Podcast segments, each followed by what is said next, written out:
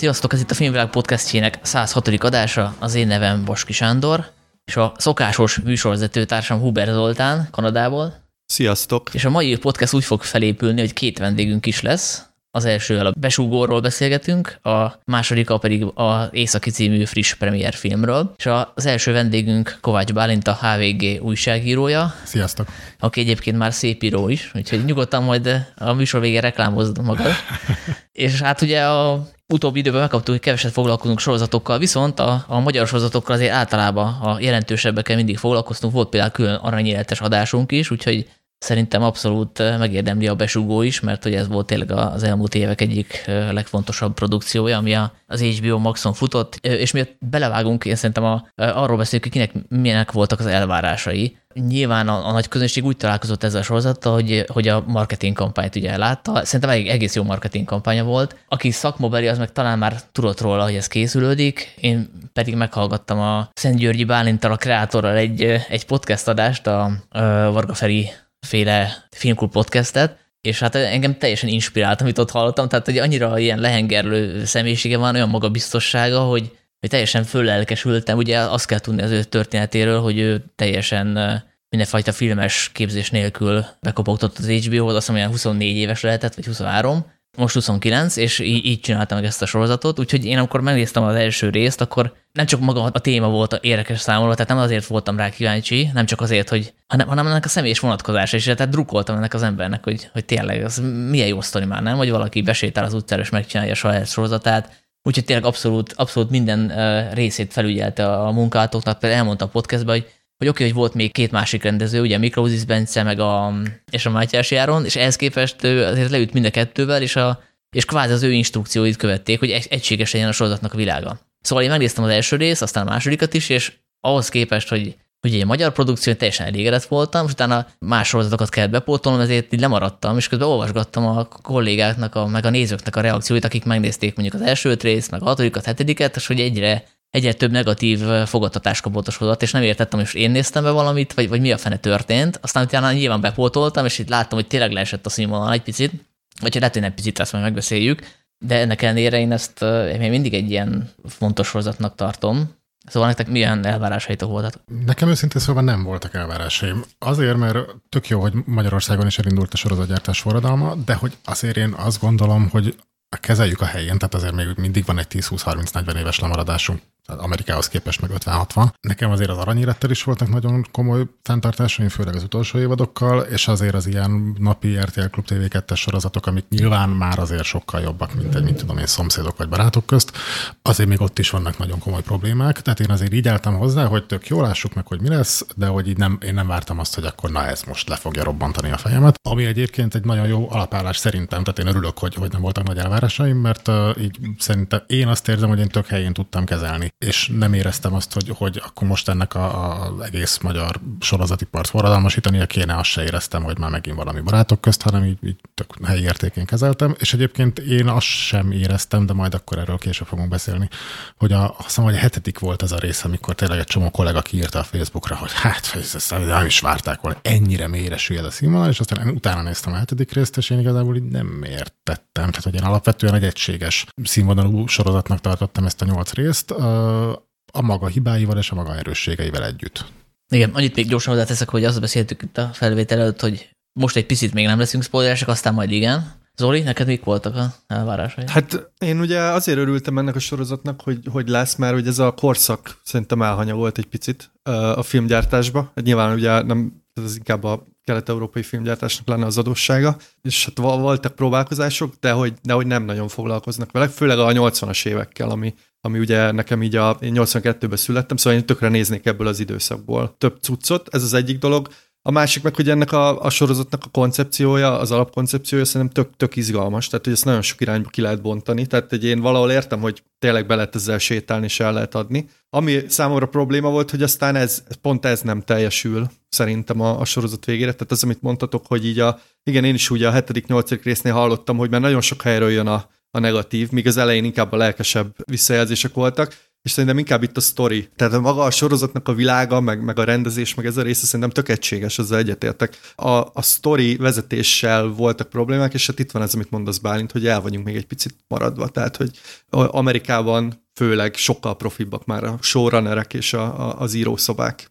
És egyébként én ugyanezt éreztem a témával is, tehát hogy a, pont a HVG podcastjében mondta el a Szent Györgyi Bálint, hogy majd erről is nyilván rengeteget fogunk beszélni, hogy a hitelesség kérdésével támadják nagyon sokan, és ő erre azt válaszolta, hogy ez azért van, mert hogy Magyarországon 2022-ig szerintem legalább 10 ezzel foglalkozó játékfilmnek és sorozatnak kellett volna elkészülnie, ehhez képest gyakorlatilag egy készült a drága besugott barátaim, és most ez, és ezt a 10-15 filmet kérik rajta számon. És ez teljesen igaz, hogy, hogy igen, tehát hogy, hogy valóban azt látom én is, hogy, hogy nagyon ideje volt annak, hogy elkezdjünk ezzel foglalkozni, és szerintem a besugó egyébként most ezt nem nem akarom olyan negatívan mondani, mint ahogy az esetleg hangzani fog, de hogy én tényleg azt éreztem, hogy igen, ez az első lépés. Tehát, hogyha ha valakinek úgy, aki úgy, úgy valamennyire járatos a történelemben, de valamennyire azt úgy értem, hogy mondjuk nem bukott meg a suliban, és azt mondják, hogy valamit erről, a, erről a korszakról kéne csinálni, akkor én szerintem azért mindenkinek ez lenne az első gondolata, hogy fú, akkor valakit beszerveztek zsarolással, és ezzel hogy néz szembe, lebukik, nem bukik le, hogy néz a barátai szemébe. Tehát, hogy azért ez egy nagyon basic szintű kiindulás, de nagyon jó, hogy foglalkozunk vele. Tehát, hogy ezt abszolút azért mondom, hogy ezt én tényleg nem negatívunként akarom mondani, mert, mert tényleg valahol el kell kezdeni, illetve valahol el kellett volna már kezdeni. Szerintem 1991-ben kellett volna az első ilyen filmnek elkészülnie, úgyhogy tök jó, hogy foglalkozunk vele, de hogy én azért azt éreztem, hogy egyelőre ez még nem az a szintű mélység, ami, ami, ami tényleg így akár a, majd a történelem órákon a nem tudom, fantáziadúsabb tanárok is be tudnák vetni, hogy akkor gyerekek ezt nézzétek meg, ha meg akarjátok érteni a korszakot. Hát nyilván a sorozatnak az alapkoncepciója, azt szerintem még a, a sorozat kritikusainak is tetszett, tehát hogy ez egy tényleg nagyon jó ötlet, hogy egy, hogy egy besugót teszünk meg főszereplőnek, és mondjuk nem egy ilyen, nem tudom, 50-es írót, egy kiégett 50-es írót, hanem egy tényleg egy fiatalt, aki előtt még ott a ott az egész élet, és aki egyébként maga is utálja a rendszert, tehát ettől izgalmas az egész, ettől érdekes ez a figura, hogy ő, hogy ő pontosan tudja, hogy a kommunisták ugye mit műveltek, meg ugye őt nem engedték ki a sakkolimpiára, tehát hogy ez, ez a fajta ilyen meghasonlulás, ez tök jól, tök jól megjelenik. Szerintem itt a legtöbb kritika inkább arra vonatkozott, hogy erre a, erre a feladatra a Szent Györgyi Bálint a legalkalmasabb, és az autentikussága, meg a hitelessége kapcsolatos viták is innen jönnek. Ugye 80-as évekre még nagyon sokan emlékeznek, emlékezünk, én is, aki még gyerek voltam, nekem is van, van valami elképzelésem, miközben mondjuk a Köbli Norbert csinál egy filmet az 50-es évekről, arról már sokkal kevesebb emlékünk van, sokkal inkább a, a mítoszok ködébe vész, és sokkal több mindent megbocsátunk, és sokkal, sokkal ilyen tüzetesebben nézzük ezeket a, ezeket a hiteltelenségeket. És ugye itt van egy másik szempont, hogy ugye ez, ez a sorozat nem az RTL klubra készült, nem a régi HBO-ra, hanem az HBO Max-ra. Tehát ugye az a kérdés is föltehető, hogy ez most igazából nekünk szól-e, vagy az HBO Max berendelte volna akkor is, hogyha mondjuk ez tényleg a magyar nézőket célozza. És ugye ehhez készült, készült angol szinkro, azt hiszem 60 országban, 61. 61 országban vetítik, és a rendező el is mondta, vagy talán valamelyik zenei szerkesztő, mert már zenei szerkesztő is volt podcast, volt a, a Lángiból a látványtervező, és mindenkivel volt már, szóval a, azt hiszem a zene zeneszerző, aki a zenék licenszeiért felelős, ő mondta el, hogy volt olyan zene, amit megvétózott az HBO Max, vagy a nem tudom, az illetékes, mert ugye az ilyen túl alteros magyar zene volt, és hogy ez így nem, nem tetszene a nemzetközi közönségnek. Tehát, hogy nyilvánvalóan ezt, ezt úgy készítették ezt a sorozatot, hogy ezt, ezt bárhol lehessen fogyasztani. De hogy ezzel egyébként semmi baj nincs, szerintem nem, én, én nem kérném számon a, egy HBO sorozaton a, a, a hitelességet, tehát ez nem egy spektrumos történelmi sorozat, hanem ez egy szórakoztató sorozat, ami a, ezt az időszakot dolgozza fel, viszont azért szerintem a sztoriban elég sok olyan elem van, amit hogyha nem is értesz a történelemhez, meg nem is ismered ezt a korszakot, logikailag nem feltétlenül működik, és, és ez, ez, ez az egyik probléma. A másik meg, hogy, hogy azért elég izgalmas ebből a szempontból, mert a, a sorozat elején én azt éreztem, hogy, hogy nagyon sok olyan kiszólás van benne, ami, ami nagyon illik a mai magyar politikai helyzetre, és akár olyan, mint hogyha direkt nekünk szólna. Most ettől függetlenül nyilván bárki tudja élvezni ezt a, ezt a sorozatot, akár Amerikában él, akár Angliában, sőt, szerintem nekik még abban a szempontból izgalmasabb is, hogy a tárgyi világ, meg, meg ez az egész környezet, meg atmoszféra, ez, ez, ez exotikus. Tehát, hogy, hogy szerintem ez a két dolog jól tud működni egymás mellett. Viszont én azt érzem, hogy annyira nem tudunk anélkül beszélgetni, hogy ez a hitelesség kérdés nem erüljön fel, hogy ne beszéljük ezt meg már most rögtön így az elején, hogy mit gondolunk erről, mert ez tényleg mint a forrókását kerülgeti mindenki, hogy hát igen, akkor most a hitelesség így vagy úgy. Jó, akkor spoilerezünk, azt mondod? Nem feltétlen spoiler, csak, csak általában ez a kérdés, mert ha ha most akkor belekezdünk, akkor én nekem ezzel az a véleményem, hogy igazából háromféle hiteltelenségi kérdést vethető fel. Az első az az, ugye a legegyszerűbb, hogy akkor mondjuk a vonatkocsi az tényleg így nézette ki, meg ilyen volt a MÁV-nak a, a logója, meg mit tudom én. Szerintem ez a legkevésbé érdekes, ez kb. annyira fontos szerintem, mint hogy a trónok harca forgatásán valaki ott felejtett egy izé, kapucsinós poharat. Hát vagy, hogy a macska fogót azt így megnézhették a főhősök, mert ugye nem nézhették meg, mert az egy éve később jött, de hát ez pont az a, lényeg, a dolog, ami lényegtelen. Igen, tehát hogy ezen lehet egy kicsit bosszankodni, aztán ennyi. A másik az az, hogy, hogy tényleg történelmileg minden úgy történhetette, ahogy történt. Szerintem én azt gondolom, és ebben egyetértek a rendezővel, kreatorral, hogy ez sem annyira fontos, mert minden játékfilm, ugye nem dokumentumfilmről beszélünk, hanem játékfilmről, illetve játékfilmes sorozatról, az teremt egy olyan fiktív valóságot, ami nem azt mutatja meg, hogy igen, ilyen volt, hanem hogy ilyen is lehetett volna. És igen, szerintem el lehet fogadni, ugye történészekkel is készültek interjúk a, a becsukó kapcsán, és például ezt is felvetették, hogy dehogy a, a demokratikus ellenzéknek a buliai, azok nem így néztek ki, és a kolis élet nem ilyen volt, és, és nem ilyenek lettek volna a, a beszédek, mit tudom, én szerintem ezt is tök nyugodtan el lehet engedni, ebben a fiktív világban ilyenek voltak a beszédek, és kész, meg ők így buliztak, meg ők tényleg nem ismerték, ez is felmerült, hogy de hát azért egy 85-ös fiatal már tudta mi az, hogy Rambo ebben a sorozatban meg nem tudják. Hát most tök mindegy, oké, ezt most nem tudták. Na és akkor viszont ott van a harmadik féle hiteltelenség, és szerintem az az, amivel van értelme foglalkozni, ami igazából amire az Oli is utalt, hogy ami a sorozat saját belső világán belül is hiteltelenség. És ez összefügg azért az a, a, a történelmi hitelességgel, mert azért ez a sorozat ez azért működik, mert a 80-as évek Magyarországának világáról szól. Tehát a kontextushoz igenis tudnunk kell a dokumentarista valós történelmi helyzetet. Különben ez nem érdekes, különben nem is értjük, hogy akkor most Kádár, besugó 3 per 3 tartótiszt, jelentésírás. Ezeket tudnunk kell, hogy lássuk, hogy mi a konfliktus, hogy megértsük, hogy mi miért van.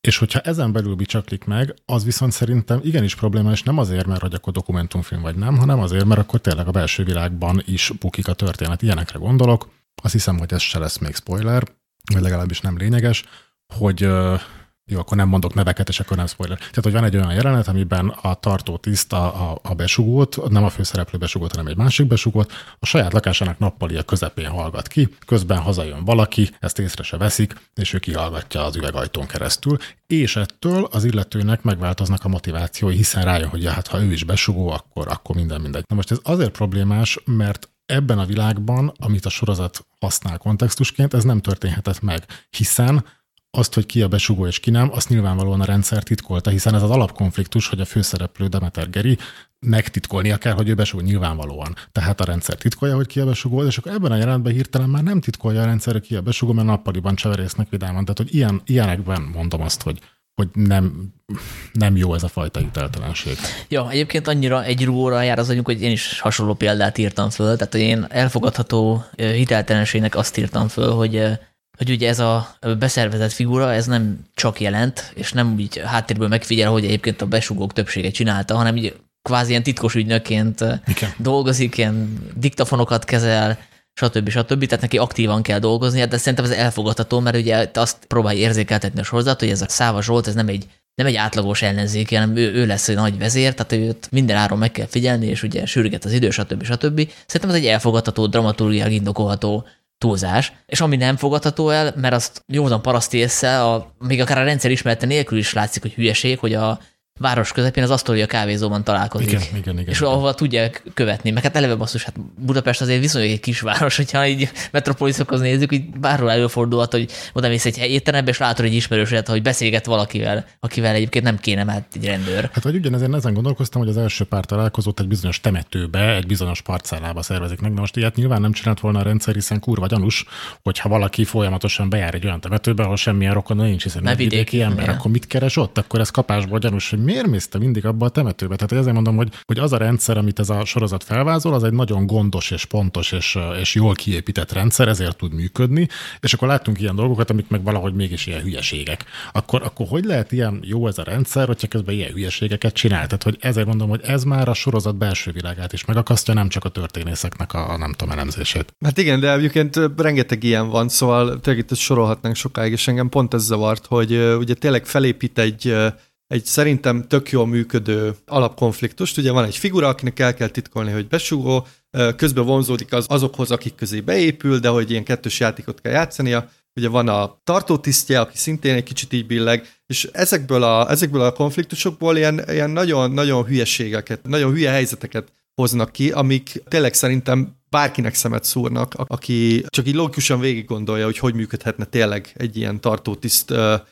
besúgó viszony. A másik dolog, ami engem nagyon zavart, és ez ugye egyre később derül ki, hogy bizonyos karakterek teljesen random módon viselkednek. Tehát, hogy azzal nekem alapvetően nincs bajom, hogyha egy karakter ilyen irracionális döntéseket hoz, vagy, vagy váratlan dolgokat tesz, csak ebben a világban bizonyos karakterek hirtelen részről részre nagyon más jellemvonásokat mutatnak, és nagyon más döntéseket hoznak, mint ami következne az addigiakból, és azt szerintem kizökkentő. És az a baj ezekkel, a, amiket ti is említettetek, hogy ilyenkor az ember hirtelen elkezdi ugye fikcióként nézni az egészet, tehát korábban beleveszel, el vagy mész vele, tök jó a sodrása, és amikor ezek a dolgok megtörténnek, akkor hirtelen kizökkensz, és elkezdesz még jobban nagyalni, és minél jobban nagyalsz rajta, annál több ilyen apró hülyeséget találhatsz, és szerintem ezért, ezért ért el így a 7.-8. részre azt a ilyen, tényleg mindenki így hirtelen kifakadt, mert hogy mert szerintem akkor gyűlt össze annyi ilyen dolog, hogy így, úgy így tényleg elkezdted azt érezni, hogy itt valami, nem jó, valami nem működik. Ugyanakkor egy picit még visszatérve ez az általános hitelesség kérdés, ez nem tudom, ti hogy vagytok vele, nekem az ilyen 50-60 pluszos ismerőseim, akik nagyon is átélték, sőt, akár maguk is a demokratikus ellenzék részei voltak. Én azt látom az ő Facebook kommentjeikben, posztjaikban, hogy ők kikérik maguknak, hogy ez a 61 ország, ahol most látják ezt a sorozatot, az most akkor mindazt fogja gondolni, hogy ilyen volt a, a 80-as évek Magyarországon, pedig nem is ilyen volt. És én azt gondolom, hogy, hogy azért ez, ez már egy erős túlzás. Tehát, hogy szerintem alapvetően mindaz, amit a sorozat bemutat, és még egyszer mondom, hogy alapvetően azért ez igenis rendben van. Tehát, hogy az, hogy voltak besugók, hogy ez nagyjából, hogy működött a nagyjából, úgy értem, hogy akkor volt tartótiszt, meg volt besugó, aki jelentést írt, és akkor ezt titkolnia kellett, és megzsarolták valamivel. Hogy ez milyen erkölcsi konfliktusokat okozott, hogy volt zsarolás, még hogyha a történészek azt is mondják, hogy azért ez a zsarolás ez sokkal kevésbé volt jellemző dolog, mint amennyire így a köztudatban, meg a fikciókban él. Mindegy, volt ilyen. Tehát, hogy alapvetően én azt gondolom, hogy most tényleg Brazíliában valaki először találkozik ezzel a Magyarország nevű fura kis helyel, akkor, akkor az annyira hamis képe nem lesz, és azért lehetséges, hogy őket ezek a nagyon apró részletek, hogy akkor most lehetette egy kollégiumnak a tök nyilvános tanulószobájában írni a jelentéseket a rendes kolis írógéppel, lehet, hogy ez azért nem fogja őket érdekelni. Hát valószínűleg azért se zavarja őket, mert ugye a brazilok hozzám szokva a brazil sorozat fordulatokhoz, amikben van egy csomó a második felében.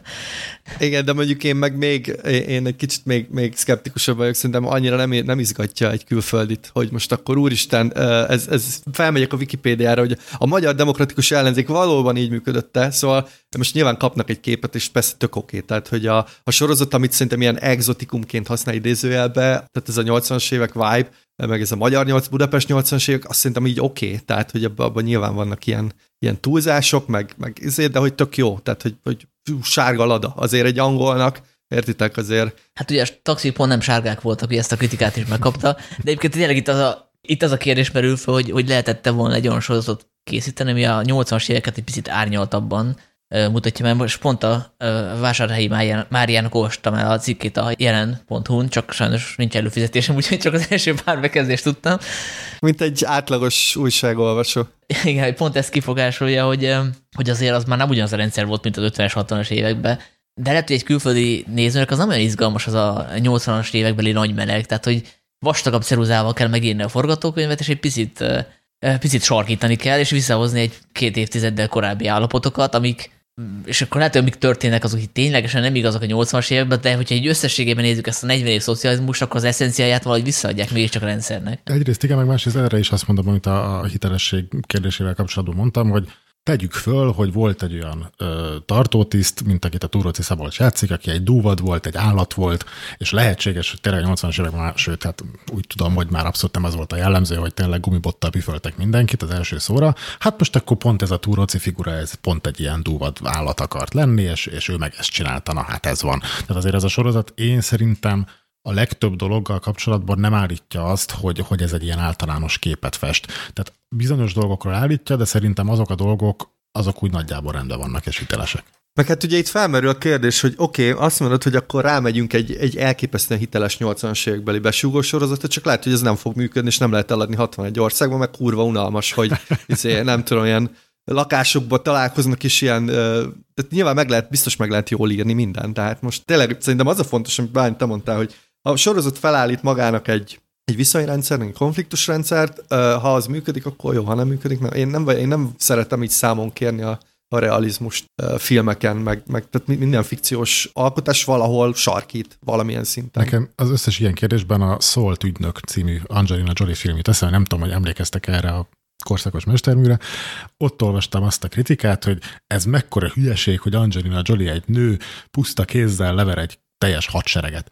Na és ilyenkor mindig ez jut eszembe, hogy igen, a filmekben Angelina Jolie le tud verni egy teljes hadsereget, a filmekben egy tartótiszt tud gumibottal püfölni. Na hát ez van, lépjünk túl rajta, ez egy fikció, igen. Ne, nekem, a, nekem az, az ugrik be mindig erre egyébként, a gravitációval kapcsolatban azt hiszem valaki így nagyon felháborodott, hogy az űrszemét az a másik irányba keringett volna. Hát most, ja, oké. Okay. Igen. Lehet, hogy akkor most fel kéne kezdeni spoilerezni, mert tényleg ilyen gúzsba kötve futáshoz hasonlít most egy kicsit. És már csak azért is, mert akkor én a, a sztoriba egy picit belemennék, hogy nem tudom, hogy akkor ezek szerint én egyedül vagyok, azzal, hogy látok egyfajta ilyen cezúrát itt a második, a harmadik rész környékén, mert hogy szerintem addig tök komoly, meg tök oké az egész expozícióm, és és azt hiszem, valami kritikus is pont ezt hozta fel, ugye van egy, van egy tök jó főcímzene, meg főcím, és a, ugye azt hangsúlyozza, hogy egy picit ilyen komolyabb témák lesznek megpedzegetve, meg hát hogy az első részben azt látjuk, hogy megérkezik a Demeter Geri a kollégiumba, megismerkedik ezekkel a figurákkal, megvan a, a, a célja, látjuk ezeket a komoly ellenzéki fiatalokat. Ugye a második részben van a, szerintem a legjobb jelenete a sorozatnak, ugye a Hajdú Szabolcs elég általásos tanórája, ahol ugye megvitatják, hogy mit kell csinálni akkor, hogyha egy rendszer már beívódott a 10 millió embernek a sejtjeibe, és hát ugye ki az, aki mondjuk ezt nézve nem, nem a jelenre gondol. Szóval szerintem addig tök jó, és utána jön egy, egy ilyen piknik, ahogy ott a kiszesek is megjelennek, szerintem még az is így vállalható, hogy összeírják a potenciális hordalmár jelölteket, és utána picit így meglódul szerintem a, a Szent Györgyi Bálint fantáziája. Tehát, mint hogyha az alaphelyzetet nagyon alaposan kidolgozta volna, és utána inkább nyúlt ezekhez a bevett panelekhez, ugye, amiről már beszéltünk, a, kiderül a terhesség, van egy ilyen akciójelenet a, rendőrösön, tehát egy picit, mint hogyha ott átugrottam volna a cápát a sorozat, nem? De én, én a, pont a, annál a résznél éreztem, amikor ugye ebbe a táborban vannak, a listát kilopja, és akkor azt hiszem előtte meggumibotozzák az erdőben. Tökön, nekem tökönverik, ott, igen. Az tökönverik, szóval nekem ott, ott hasított belém először, hogy hogyha beépített ügynököd van, és így szétvered, és úgy küldöd vissza, akkor elég gyanús lesz az az ember, nem? Tehát, hogy így hogy elmegy pisilni, és visszajön ilyen kékzöld foltokkal, meg, meg a tökét uh, fájlalva, és utána az egész, egész nekem onnan, onnan, onnan indul egy ilyen lejtmenet. De én, nekem az a tippem egyébként, hogy, hogy tényleg az expozíció volt, meg azon dolgoztak biztos a legtöbbet, nem? Hogyha 2014-ben sétált be az HBO-hoz vele ezzel, akkor, akkor biztos, biztos a, a, arra ment el a legtöbb energia. És hát aztán... minden sorozatot a pilottal kell adni igazából. Így van, és, és szerintem is sokkal jobb a, az első pár rész. Főleg nekem nagyon tetszettek ezek, amiket mondtál, áthallások, szóval ezek így elfogynak teljesen a végére. Tehát én már nem emlékszem, hogy az utolsó, nem tudom, négy részben van-e bármi olyan a, ilyen jó mondat, amire úgy meg, megakadt a fülem. Én nem tudom, én inkább egy hullámzást éreztem. Tehát azért is mondtam az elején, hogy én nem éreztem ezt, hogy hú, a hetedik rész az már milyen szar volt. Én inkább azt éreztem, hogy hol jobb, hol rosszabb. Tehát például a Száva Zsolt karaktere. Önmagában az tök jó gondolat, abszolút tetszik, hogy ő egy ellenzéki, tehát nagyon jó célokért harcoló ember, aki ezeket a jó célokat diktatórikus eszközökkel gusztustalan módon éri el. És ez tök, tök érdekes felvetés, de néha azt éreztem, hogy nagyon túltolják. Tehát, hogy ha viszont valaki ennyire borzasztóan, undorítóan diktatórikus lett volna egy ilyen közegben, azért ezt nem hiszem, hogy tolerálták volna. És akkor ezzel kapcsolatban, hogy akkor hol megint visszament erre az emberi szintre, ahol azt éreztem, hogy igen, most tudom érteni a következményeit, hol megint átment egy olyan vizébe, amit éreztem, hogy akkor ez most egy forgatókönyvíró íze, meg kellett valamilyen, nem tudom, nagy feszültséget berakni ebbe a részbe, vagy valamelyik szereplőt egy nagy döntés elé kellett kényszeríteni, és akkor ennek érdekében most aztán tényleg egy utolsóságfejként viselkedik. Meg a, ö, nem jut eszembe, hogy hogy hívják a, a focista srácot, aki Barna? A, Barna, igen, igen, igen. Na ő is ott úgy volt, hogy eleinte azt éreztem, hogy, hogy azért ez egy kicsit ilyen hiteltelen, most nem a szónak a történelmi, hanem a, a jellemrajzi értelmében, hogy akkor a, a Demeter Geri egy szóval hozzá ellene egy bizonyítékot, és akkor azt mondja, hogy jó, akkor mostantól a csicskán vagy és kussolsz. De aztán a következő részben mégis megcsinálták, hogy a barnában ez valahogy így felgyűlt, és elütötte a kocsiával. Lehet, hogy ez egy picit komikus jelenet volt, de hogy akkor is azt éreztem, hogy akkor ez most meg kicsit helyre tette, amit, ez, amit nekem hülyeségnek tűnt. Tehát hogy én inkább ezt éreztem folyamatosan, hogy, hogy van valami, amiben azt érzem, hogy ez nem az igazi, aztán megint jó lesz, aztán megint nem az igazi. de hogy én ilyen nagyon egyértelmű lejtmenetet annyira nem tapasztaltam, de lehet, hogy ez is ahhoz kötődik, hogy nem voltak nagy elvárásaim. Hát igazából itt a, ezek a nem egyértelmű jó vagy rossz karakterek, szerintem ezek a pozitívumai a sorozatnak. Tehát igen, ez tök jó, hogy van egy, van ez a besugó, akinek meg tudjuk érteni a, a szempontjait, hiszen a, a gyógyszeréért küzd, és ugye van egy forradalmi vezér, aki tényleg egy ilyen példakép, lánglelkű, csak közben egy seggfejként viselkedik helyenként, tehát hogy árnyalva van a karaktere. Szóval ez, ez tök jó, csak az a probléma, hogy ha mondjuk veszük a, a Breaking Bad-et, ami arról szól, hogy egy kémia tanár, aki kénytelen drogot árul, és a végén belőle egy ilyen drogcézár lesz, aki teljesen megőrül a hatalomtól, az egy jó sztori, csak hogy ezt a sztorit a Breaking Bad nem egy évadon belül csinálta meg, hanem nem tudom, hat vagy nyolc. Minimum, igen. Igen, és a Szent Györgyi Bálint, meg ezt a sztorit, ezt a, ezt a változást gyakorlatilag nyolc rész alatt akarja letudni, és ez a sorozat, ez nem két évet el fel, hanem aztán pár hónapot. Tehát, hogy el kéne hinnünk, hogy a, a Geri az egyik pillanatban egy nyámoltalan figura, aki meg sem meri szólítani a,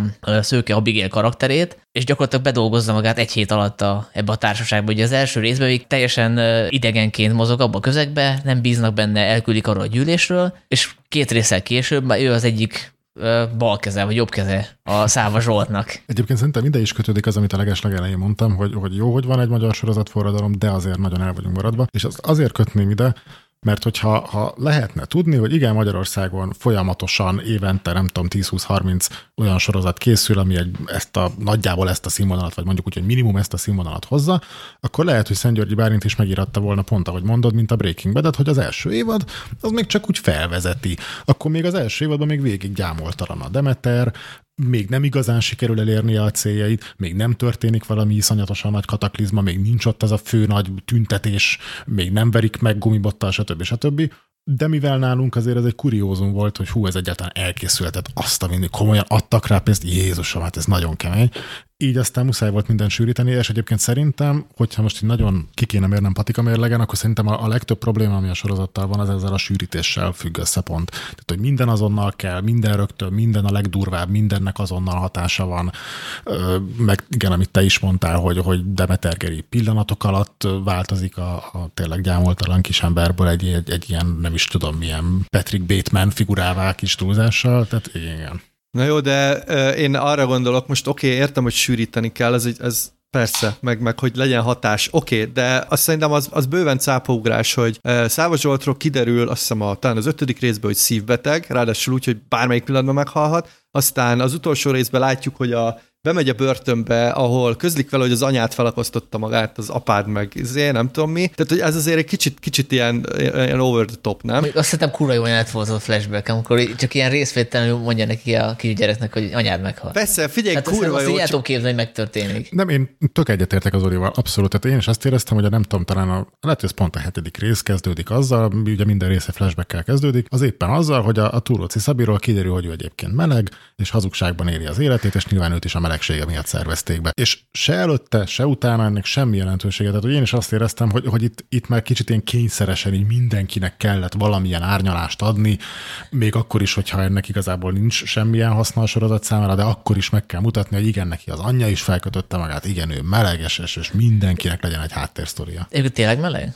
Mert a, van az a nyelv, de ott ő eljátsza, hogy a papot lépre csalja. Elmondja, hogy ő meleg, és erre a pap is mondja, hogy akkor én is az vagyok, és hoppá, akkor meg vagy, és be, be, be vagy szervezve. Hát ez a jelenet az dramaturgiai eléggé lóg ezen az egész sorozaton, de hogyha ha azt akarod, hogy ne szakadjon le és zuhanjon a Dunába, hanem legalább egy kis cérnaszál odafűzze, akkor el kell fogadni, hogy azt komolyan mondta, különben aztán tényleg minek. Tehát annak, hogy, hogy Csellel belebuktat egy papot, akinek semmilyen szerepe nem lesz ebben a sorozatban, annak szerintem semmilyen értelme nem lett volna. Úgy, hogyha elfogadjuk, hogy meleg, úgy legalább ennyi, hogy akkor megértjük, hogy akkor igazából neki milyen szomorú az egész családi élete, és igazából azért neki sem olyan pennékig tejfel az élete, mint amilyennek ijedtük. Hát arra jó, hogy látjuk, hogy hogyan dolgozik. Ugye korábban láttuk, hogy a Mácsai karakterét hogy töri meg, tehát lehet, hogy azt illusztrálja egy milyen elvetemült figura. De egyébként az egyetlen karakter, aki így végig konstans marad, és szerintem azért az én kedvencem, az a, az a Máté, aki ugye úgy néz ki, mint az első emeletnek a negyedik tagja, aki bármit beszerez bárhonnan. Ő az egyetlen, aki, aki végig, végig hű önmagához abban a szempontból, hogy Hát ő azt nézi, hogy mi, mi, mi, hol van a biznisz, mit lehet csinálni, és, és róla például el fogadni, hogy, hogy átáll hirtelen, és nagy forradalmá lesz már, hogy tudja, hogy ez egy jó biznisz lesz. De az összes többi karakternél azt éreztem, hogy ilyen, ilyen nagyon, nagyon hirtelen dolgok történnek velük, hogy nagyon hirtelen váltanak. Például ez a Matek zseni is például ugye Látjuk, hogy ő egy jó arc gyerek, aki fürdőköpenybe jár, azt egyik pillanatra a másikra így ököllel veri a focista gyereket a, a parkolóban. Szóval ezek ilyen nekem ilyen nagyon fura túltolások, amik szerintem nem is kellenek, tehát hogy ezeket meg lehetett volna oldani elegánsabban is. Úgy, hogy még szintén sűrítesz, és tehát egy kicsit visszább kellett volna csak csavarni. Tehát nem kell szívbetegnek lenni Száva Zsoltnak. Attól, attól függetlenül is el tudod hinni a motivációit, hogy ő nagyon gyűlöli a kommunistákat. Főleg, ha kiderül, hogy az anyja felagasztotta magát a börtönbe, az hiszem, az elég jó motiváció. Ugyanígy a Demeter Geri is, most miért kell neki beszólni, hogy nem is tudom, ilyet mond a tartó tisztjének, amikor fordul a kocka, hogy Imre, mostantól te vagy a csicskám, vagy nem tudom, hogy mostantól minden úgy lesz, hogy én akarom. Szóval ezt nyugodtan ki lehet hagyni, attól függetlenül ugyanúgy fordíthatsz a, a szituáción, de nem, nem kell így túltolni. Sőt, igazából én egy kicsit azt gondolom, hogy lehetséges, hogy ez a szívbetegség, ez a, a Szent Györgyi Bálintnak a szándékai szerint hat. Vagy nem tudom az átlagnéző, hogy van vele, de én egy kicsit inkább azt érzem, hogy ha valaki csak azért nagy menő, és csak azért kockáztat mindent, és csak azért tesz fel egy lapra mindent, és az egész rendszerváltást ő el akarja érni, nem törődve a kockázatokkal, mert tényleg nem kell törődni a kockázatokkal, hiszen holnap meghalhat, az szerintem inkább elvesz a figurájából. Tehát, hogy én ott azt érzem, hogy ja, úgy könnyű. Nem pedig azt, hogy fú, ez milyen egy árnyalt sors, tehát hogy ez, ez igen, ezzel egyetértek, hogy ez nem biztos, hogy egy jó ötlet volt ezt behozni. Főleg úgy, hogy utána elvileg őt akarják kimenteni az amerikaiak, és majd megműtik, szóval, hogy belegondoltok, ez már logikailag se áll meg, hogy miért pazarolnák erőforrás valakibe, aki lehet, hogy a zöld határon feldobja a pacskert. Szóval... Igen. Ezt valaki úgy fogalmazta meg a Twitteren, hogy ez lett egy ilyen wishful thinking a kreator részéről, hogy ugye a miniszterelnöknek az alter egója, ez a figura, ja, és egy ja, igen, igen, igen. De hát ez valószínűleg nem így van, meg hát tagadta is ezeket a, kapcsolatokat a, a kreator, bár hát mondjuk ez egy bős dolog, mert ő nyilván nem az ország egyik fejének akarja ezt a sorozatot csinálni, hanem mind a kettőnek. De egyébként én, ez, én ezzel nem értettem egyet, tehát hogy tényleg elkezdték a nem tudom, második, harmadik so, ö, résztáján mondani, hogy hát ez egyértelműen Orbán Viktor, és erre a Szent György azt mondja, hogy nem, hanem ez a, az ilyen különböző ellenzéki figurák különböző személyiségjegyeiből összegyúrt fickó. És szerintem ez abszolút így van. Tehát amikor itt tényleg meghallottam ezt az Orbán Viktor dolgot, és elkezdtem úgy nézni egy-két részt, akkor azt éreztem, hogy ez nagyon sántít. Tehát, hogy értem, hogy miért mondják, de nagyon sok mindenben sántít. De így, amit a Szent Györgyi mond, hogy, hogy nem, hanem, hanem ezek ilyen tipikus jellemző vonások egy emberbe belesűrítve, így viszont tök jól működik. Tehát, hogy itt tényleg azt mondom, hogy igen, ebben, ebben látom, hogy, hogy ki melyik, melyik politikust, melyik politikus típust testesíti meg ez a mondata, és melyiket az a mondata.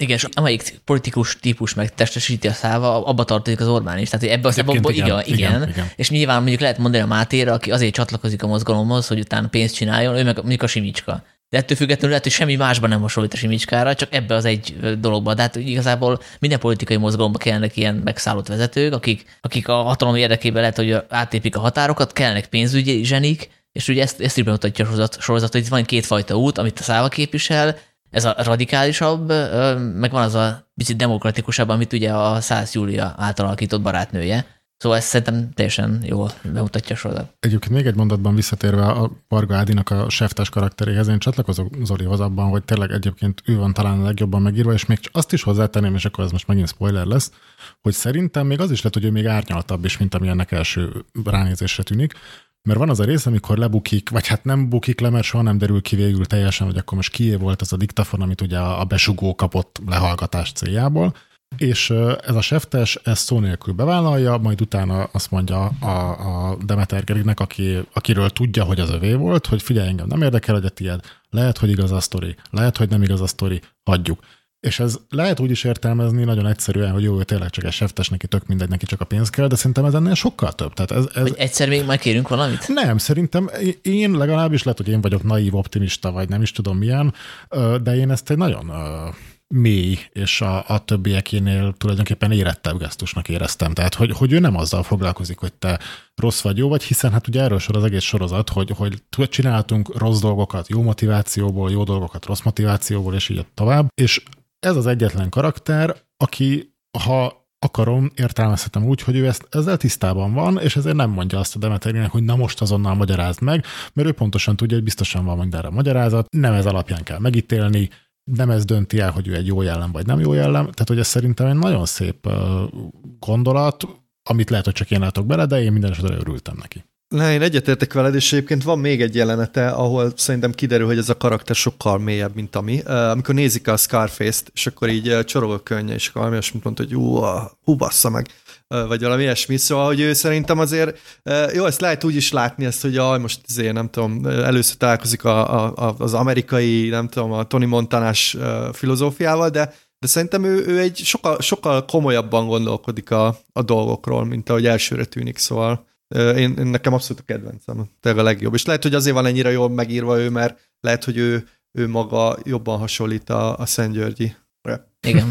Nekem a kis legjobb vitatkozója tetszett a legjobban a Hermányi Marian. Szerintem az a szál az, az izgalmas volt, ami ki nem derült, hogy ő is egy ilyen amerikai ügynök igazából. Tehát az megint túl lett tolva egy csavarra. Lehet, hogy túl lett tolva, de, de arra is azt mondom, ami, amit az árnyaltságról mondtam, hogy az szerintem tök jó, mert ugye a kis azért hét részen keresztül, vagy hat vagy hány részen keresztül, az tényleg egy ilyen nevetséges, ugye Jéger Zsombornak egyébként nagyon jól eljátszott figurája. Nagyon jól azt onnan tudom, hogy én is tényleg így szánalmat érzek iránta, ami azt jelenti, hogy nagyon jó színészi eszközökkel csinálta meg.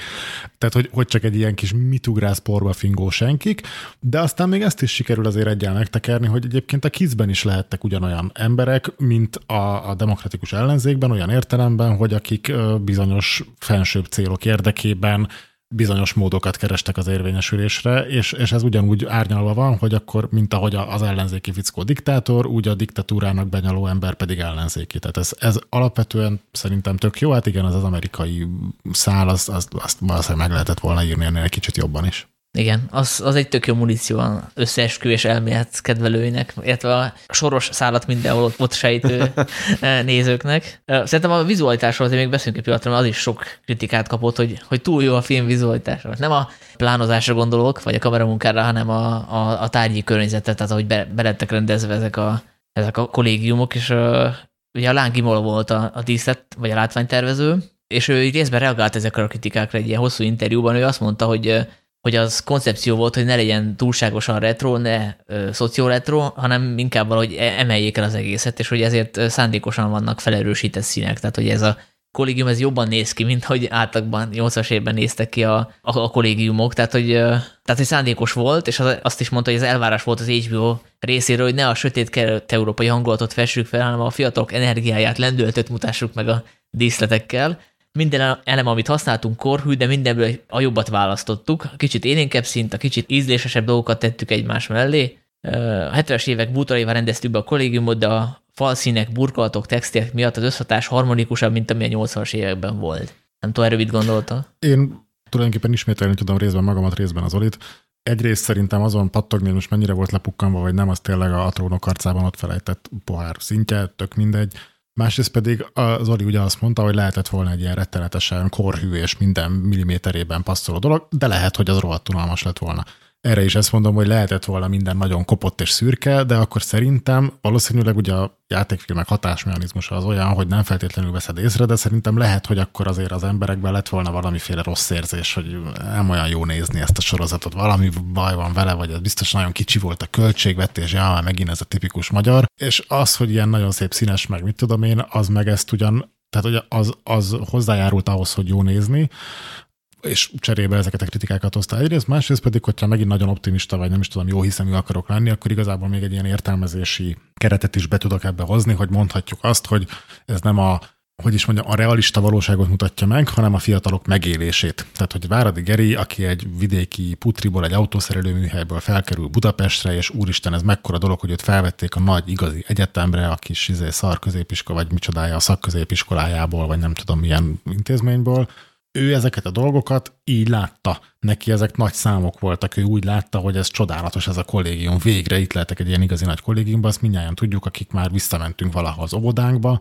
hogy mindaz, ami ilyen csodálatosnak és nagynak és hatalmasnak és elérhetetlennek tűnt, az valójában egy ilyen kis lóizé ez ilyen, és mondhatom azt, hogy akkor, akkor Lángi Mora szándékosan ezt a, a megélést akarta megjeleníteni. Lehet, hogy ez kicsit ilyen gondolta a fene, mondta a költő, de én el tudom ezt is fogadni. Hát meg itt ugye meg itt, itt is bejátszik ez a faktor, amiről már beszéltetek, hogy ugye a, mi, nekünk azért még van emlékünk a 80-as évekből, a, az 50-es évekkel kapcsolatban lehet, hogy nem lennénk ennyire szigorúak, mert, mert nem emlékszünk rá, és ez nyilván nem reprezentatív, de az én ismeretségi körömben, akikre itt így elérek, 20-as emberek nagyon szerették ezt a sorozatot, épp amiatt, mert hogy ilyen szexi a világa. Tehát, hogy nem az a nyomasztás, hanem, hanem hogy ilyen jó, a, jó ez a tárgyi környezet, ilyen exotikus, izgalmas, friss. Meg olyan ruhák vannak, amik most itt divatba jöttek, tehát azok az Adidas csukák, azok a, igen. Hát igen, mert ugye a 80-as évek revival éljük, tehát hogy ez a, pont azért tűnik szexinek, mert hogy olyan, mintha ilyen hipsterek lennének a, a sorozat szereplői, tényleg olyan ruhákba járnak, amikben most nagyon-nagyon menő vagy. Igen, de hát egy picit azért ezt túltolták, tehát amikor, ez most nem az én gondolatom, hanem tegnap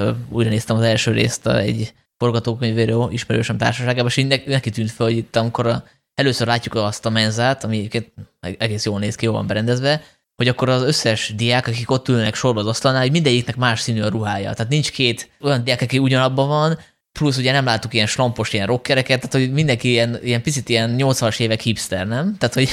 Na jó, de hát erre mondom, hogy így működik a játékfilm. Ugye van a Matrixnak a híres jelenete, amikor Neo-t először rakják be a szimulációba, és, és rengeteg ember jön vele szembe, és csak ő megy arra fele, és ugye a piros ruhás nő is elmegy mellette, és ott is elmondták a Cohen, akkor még fivérek, hogy minden... Wachowski. Ó, oh, bocsánat. De mondja csak. Igen, szóval a Wachowski fivérek, hogy szándékosan minden statiszta ikerpár volt tehát ez ilyen, a, film, a játékfilm az így működik, hogy, hogy szándékosan úgy próbálsz hatásmechanizmusban dolgozni, hogy, hogy te ne tudd, hogy miért látod azt, hogy fú, ez a tömeg ez valahogy nagyon homogén, mert nem pauszolod le és nézed meg, hogy ja, ott a jobb első, nem tudom, 30. ember, az olyan, mint a 40. sorban a 20. ember, de vala, valamiért azt érzed, hogy fú, itt valami van. Ugyanez, hát mindenkinek színes volt a ruhája, hogy ne egy ilyen szürke masszát lássa, hanem valami érdekeset. Egyébként, hogyha erről van szó, akkor nekem egy komolyabb kritikám van ezzel a, a tárgyi környezettel kapcsolatban. Én azt éreztem, hogy túl sok a kiszólás. Tehát, hogy, hogy nagyon erősen azt képviseli, hogy, hogy látjátok, látjátok 80-as évek, most nézd meg, Éva Vermut, öregem, és csak hogy bemondják, hogy kérsz, van Éva Vermut, és csak hogy betolják a kamerába, ami egy ilyen nyári, szabadtéri, színházi, retro előadásban még így vicces, de azért azt gondolom, hogy egy sorozatban, és ez rengeteg, és a, a seftes srác, amikor elmondja, hogy fú, én voltam görögbe, és ott van egy ilyen, izé, egy ilyen girosz nevű dolog, hú, hallod, az, az tudja, hogy az majd be fog jönni Magyarországra. Tehát, hogy azt éreztem, hogy hogy túl sok az ilyen kiszólás, aminek semmi célja nincsen, Ketchup. csak az, hogy Ketchup, igen, ugye? igen, igen, igen, igen. Meg akkor van egy centrum zacskó, akkor azt be kell tenni a kompozíció közepébe, igen, holott igen, nyilvánvaló, hogy centrum zacskó az nem egy ilyen, ilyen dísztári volt, hanem egy hétköznapi valami, amit ott ledobtak a sarokba, tehát nem, nem kell föltenni oda középre. Igen, de itt megint bejön az, amit mondtam, szerintem ez aláhúz egy picit, hogy ugye ez a Szentgyörgyi Bányt, ha jól emlékszem, 30 éves, tehát hogy ő 90 után született, szóval neki tényleg exotikus, nekem annyira nem, tehát ugye az Éva Vermut az nekem olyan, ja, az volt meg szar, de de hogy, de hogy pont, pont ezekkel, ezekkel lehet így behúzni a Hát jó, csak ezt a gondolj bele, hogy, hogy egy ilyen 1800-as években játszódó filmet forgat, és akkor bejön az egyik ember a másikhoz, és azt mondja neki, hogy látod, ez egy kandalló tüzet szoktam benne rakni este, hogy meleg legyen. Persze, tehát, figyelj, figyelj engem is zavar, tehát igen, de hát az a kincsem, nem? Abba is csináltak ilyeneket.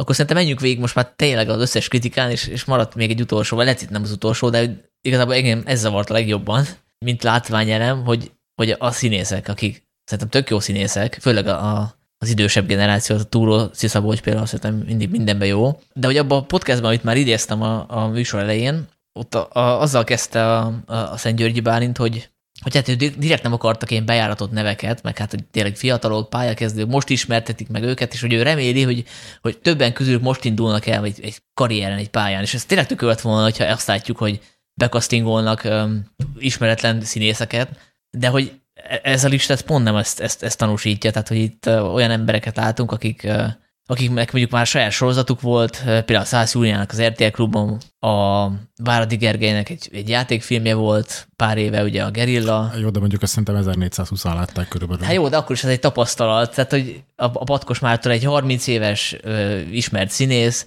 tehát, hogy pont nem azt láttam, hogy itt eh, valahogy a kezdőknek adtak volna bizalmat. Nyilván nem mertek, de akkor ne nyilatkozzuk már el azt, hogy itt most eh, befuttatjuk a friss tehetségeket, akikről látszik, hogy, hogy 30 évesek, és hogy mikor rossz indultó vagyok, akkor mondhatom azt is, hogy, hogy hát ez is egy hollywoodi hagyomány, hogy játsszuk el a 10 éveseket 30 évesekkel.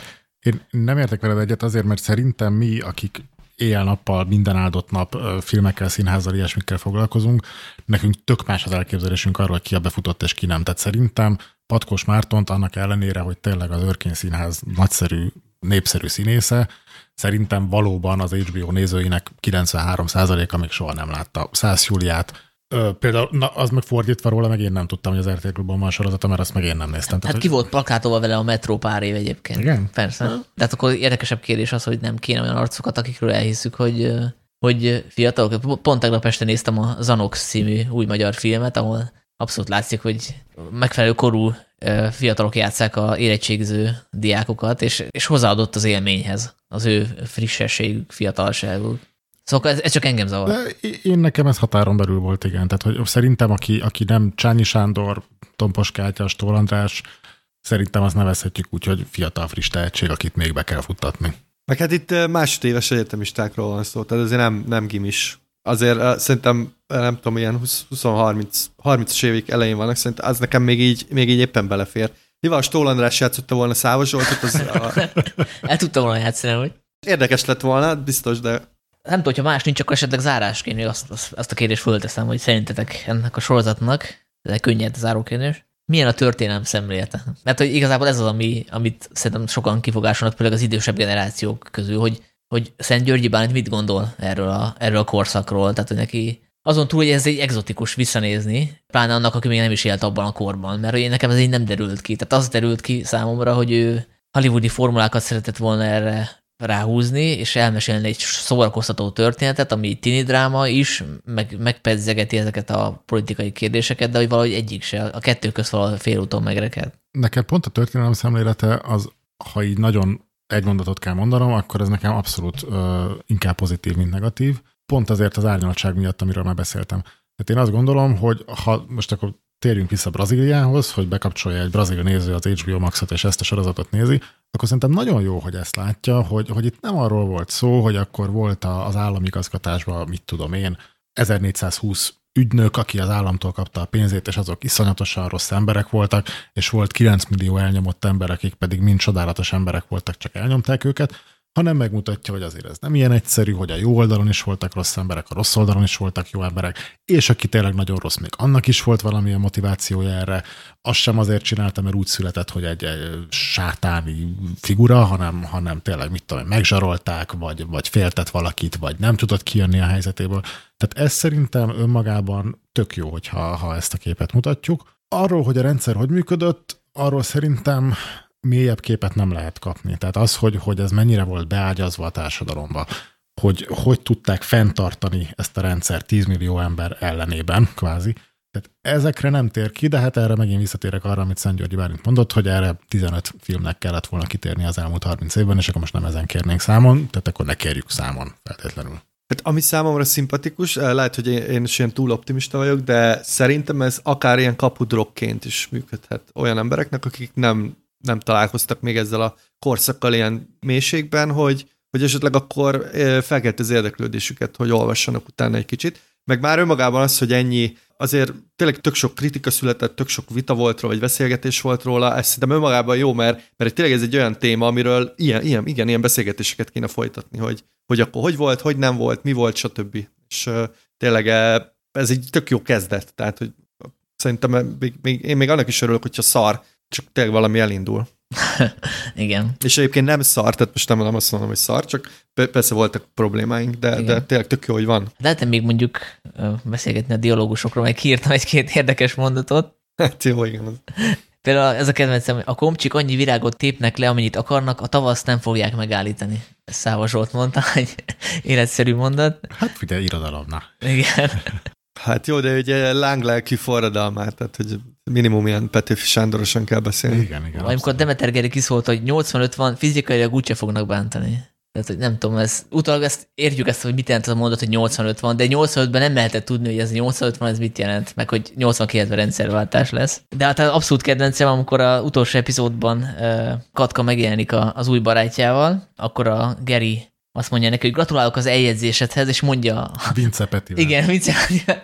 Mert szegény Katka amúgy nem tudtam volna, hogy kivel el magát, nem kap egy segítséget hozzá. Szóval vannak, vannak ilyen gyerekbetegségek, vagy amikor a nagyobb jóról beszél az egyik szereplő, tehát nyilvánvalóan a Greater Goodot tükörfordítottam, mert szerintem a magyarban ez ilyen nincsen. Szóval vannak ilyen gyerekbetegségek, és most tényleg nem akarok ezen élcelődni, mert én azt gondolom, hogy a a Szent Györgyi Bánt egy nagyon tehetséges alkotó, csak ugye amikor valaki csinál egy első filmet, akkor, akkor a hibáit azt leírjuk annak, hogy első filmes betegség, Viszont ilyen, hogy első sorozatos betegség szindróma ilyen eddig nem volt. Tehát ez egy új dolog, de ettől még ugyanúgy létezik, és hogy szerintem ő olyan szolgalmas, meg olyan ambiciózus, hogy, hogy én azt tippelem, hogy egyszerűen ő el fog jutni a mi fesztivál fődíjáig is, hogyha mondjuk inkább a filmezés választja. Tehát, hogy én, én is abszolút pozitívumnak értékelem ezt a bemutatkozást, hogy nem, nem szeretném, hogyha ebből most az jön neki, hogy itt abszolút negatívan értékeljük. De hát nyilvánvaló, hogy ezekre a gyerekbetegségekre el kell mutatni. Én egyébként még a dialógusokban is valamivel megengedő vagyok nálad. Én az elmúlt, nem is tudom, 5-6-7 év összes magyar filmjét láttam, még az ilyen sufni produkciókat is. Úgyhogy hidd el nekem, hogy ezek nem rossz párbeszédek. Jó, hát nyilván azért én is tudok rosszabbat, csak ugye azt halljuk, hogy egy sorozatot, egy HBO Max sorozatot, azt így átolvasnak nyolcan, ugye itt volt a konzulensek, a Tasnád István, aki ugye egy öreg róka, Abszolút, arra, tehát senki nem mondta ezt. A Váradi Gergely sem mondta, hogy, hogy ezt most tényleg mondjam ezt a mondatot, hogy jó, az így főnök. ez nagyon fura, hogy ez át tud menni, amit szerintem így első éves forgatókönyvíró kurzuson kihúznának. Na mindegy. Ugye én olvastam a Váradi Gergely egy interjút, hogy az első napja azzal telt, hogy a túróci felkente a falra 500-szor, szóval lehet, hogy utána ja, lehet, ő már nem akart így. Igen, igen, lehetséges, igen, igen, igen. Ja, úgyhogy én kíváncsi vagyok, hogy mit fog legközelebb csinálni. Nem vagyok benne biztos, hogy esetleg ezt kéne folytatni a besúgó második évadával. Én egyébként egy tökéletesen meg nem erősített és teljesen szájhagyomány útján terjedő plegykában azt hallottam, hogy lesz folytatás, majd ezt a sors eldönti, hogy. De igazából én úgy tudom, illetve nem úgy tudom, hanem, hanem kiadta az HBO Max azt a statisztikát, hogy az elmúlt, nem is tudom, talán egy hónapban ezt a sorozatot nézik az HBO Maxon Magyarországon a legtöbben. Ezek után nem hiszem, hogy lenne ellenérve a folytatás ellen, és én igazából, én pont azért, amit pár kérdéssel ezelőtt mondtam a Breaking Bad kapcsán, hogy én mondjuk egyébként örülnék, mert én azt gondolom, hogy a legtöbb sorozatnak nem, visszavonom. Tehát vannak olyan sorozatok, amiknek jót tesz, hogyha több évada van. Van olyan, mint a Walking Dead, aminél tényleg azt érezzük, hogy már hova tudjátok még ezt nyújtani, és fejezzétek már be. De alapvetően ez szerintem egy olyan sztori, amin igenis lehetne hogy is mondjam, árnyalni talán tovább, és annak jót tenne az idő. Tehát én például szívesen nézném a második évadot. Jó, legyen, de akkor szerintem ugorjanak egy kicsit az időben, addig, hogy már életkornak megfelelő korban legyenek a, a színészek, mondjuk 89-ben. Vagy még akár egy kicsit tovább is, és Varga Ádi éppen olajszűkítéssel foglalkozik. Jó, tökéletes. Úgyhogy Szent Györgyi Bálintottól várjuk a hívást a forgatókönyvírói kreditért. Úgyhogy... És a százalékért, igen. Szívesen pitchelünk, pár, nekem is lenne pár ötletem így a vadkapitalizmusból, hogy miket lehetne csinálni, mert főleg egy Amerikába visszatérő új szívvel támadó szávasol, szerintem. A magyar vasember, új szívet Igen, igen, igen. Igen, ja, úgyhogy én is, én is akkor meggyőztetek, és most már várom. Bizonyos tekintetben én egy 20 évados sorozatot is el tudnék nézni, aminek a 20. évada az már konkrétan a Márkizaj Péter vs. Orbán Viktor küzdelemről szól, tehát hogy igazából én látok ebbe perspektívát. És akkor végén a szereplők mindig epizód végén bele nézek a kamerába, és föltaláljuk a szomszédokat újra. Nagyon felment az étolajára emiatt az ukrán háború miatt. Hát és most lehetne csirkefarhátozni, tehát hogy ugyanott vagyunk, mint Bőn bácsi 89-ben. Igen, szuper. És akkor az északiról fogunk már mindjárt beszélgetni egy új vendégünkkel, de ezen a sajtóvetítésen láttam Bálintot is, Bálint két mondatban összegez légy a véleményedet erről a filmről. Én az Északival kapcsolatban úgy voltam, hogy, hogy nagyon sokáig abszolút jó hiszeműen és jó szándékúan mentem Robert Eggerszel, és, és elfogadtam neki mindent, és néztem, hogy ez egy nagyon nagy ívű látomás, egy nagyon kompromisszummentes, brutális, de ugyanakkor érzelmes, macsó, és egyúttal a macsóságot valamennyire idézőjelbe is tevő alkotás, de aztán az utolsó tíz percben úgy voltam bele, hogy na jó, azért ez már mégiscsak egy kicsit röhelyes. És amikor az ember ezt elkezd érezni, még ha csak tíz percig is, hát az nem tesz jót az élménynek. Tehát akkor onnantól fogva egy picit az ember visszanéz, hogy akkor lehet, hogy igazából ez tulajdonképpen végig egy picit röhelyes volt.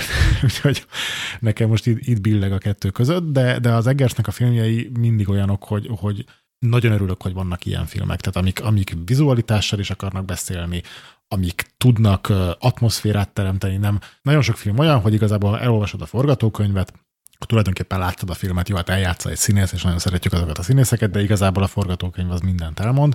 Nála ez az ellentéte, tehát nála, hogyha nem látod azt az atmoszférát, akkor semmit nem tudsz a filmről, és ennek nagyon örülök.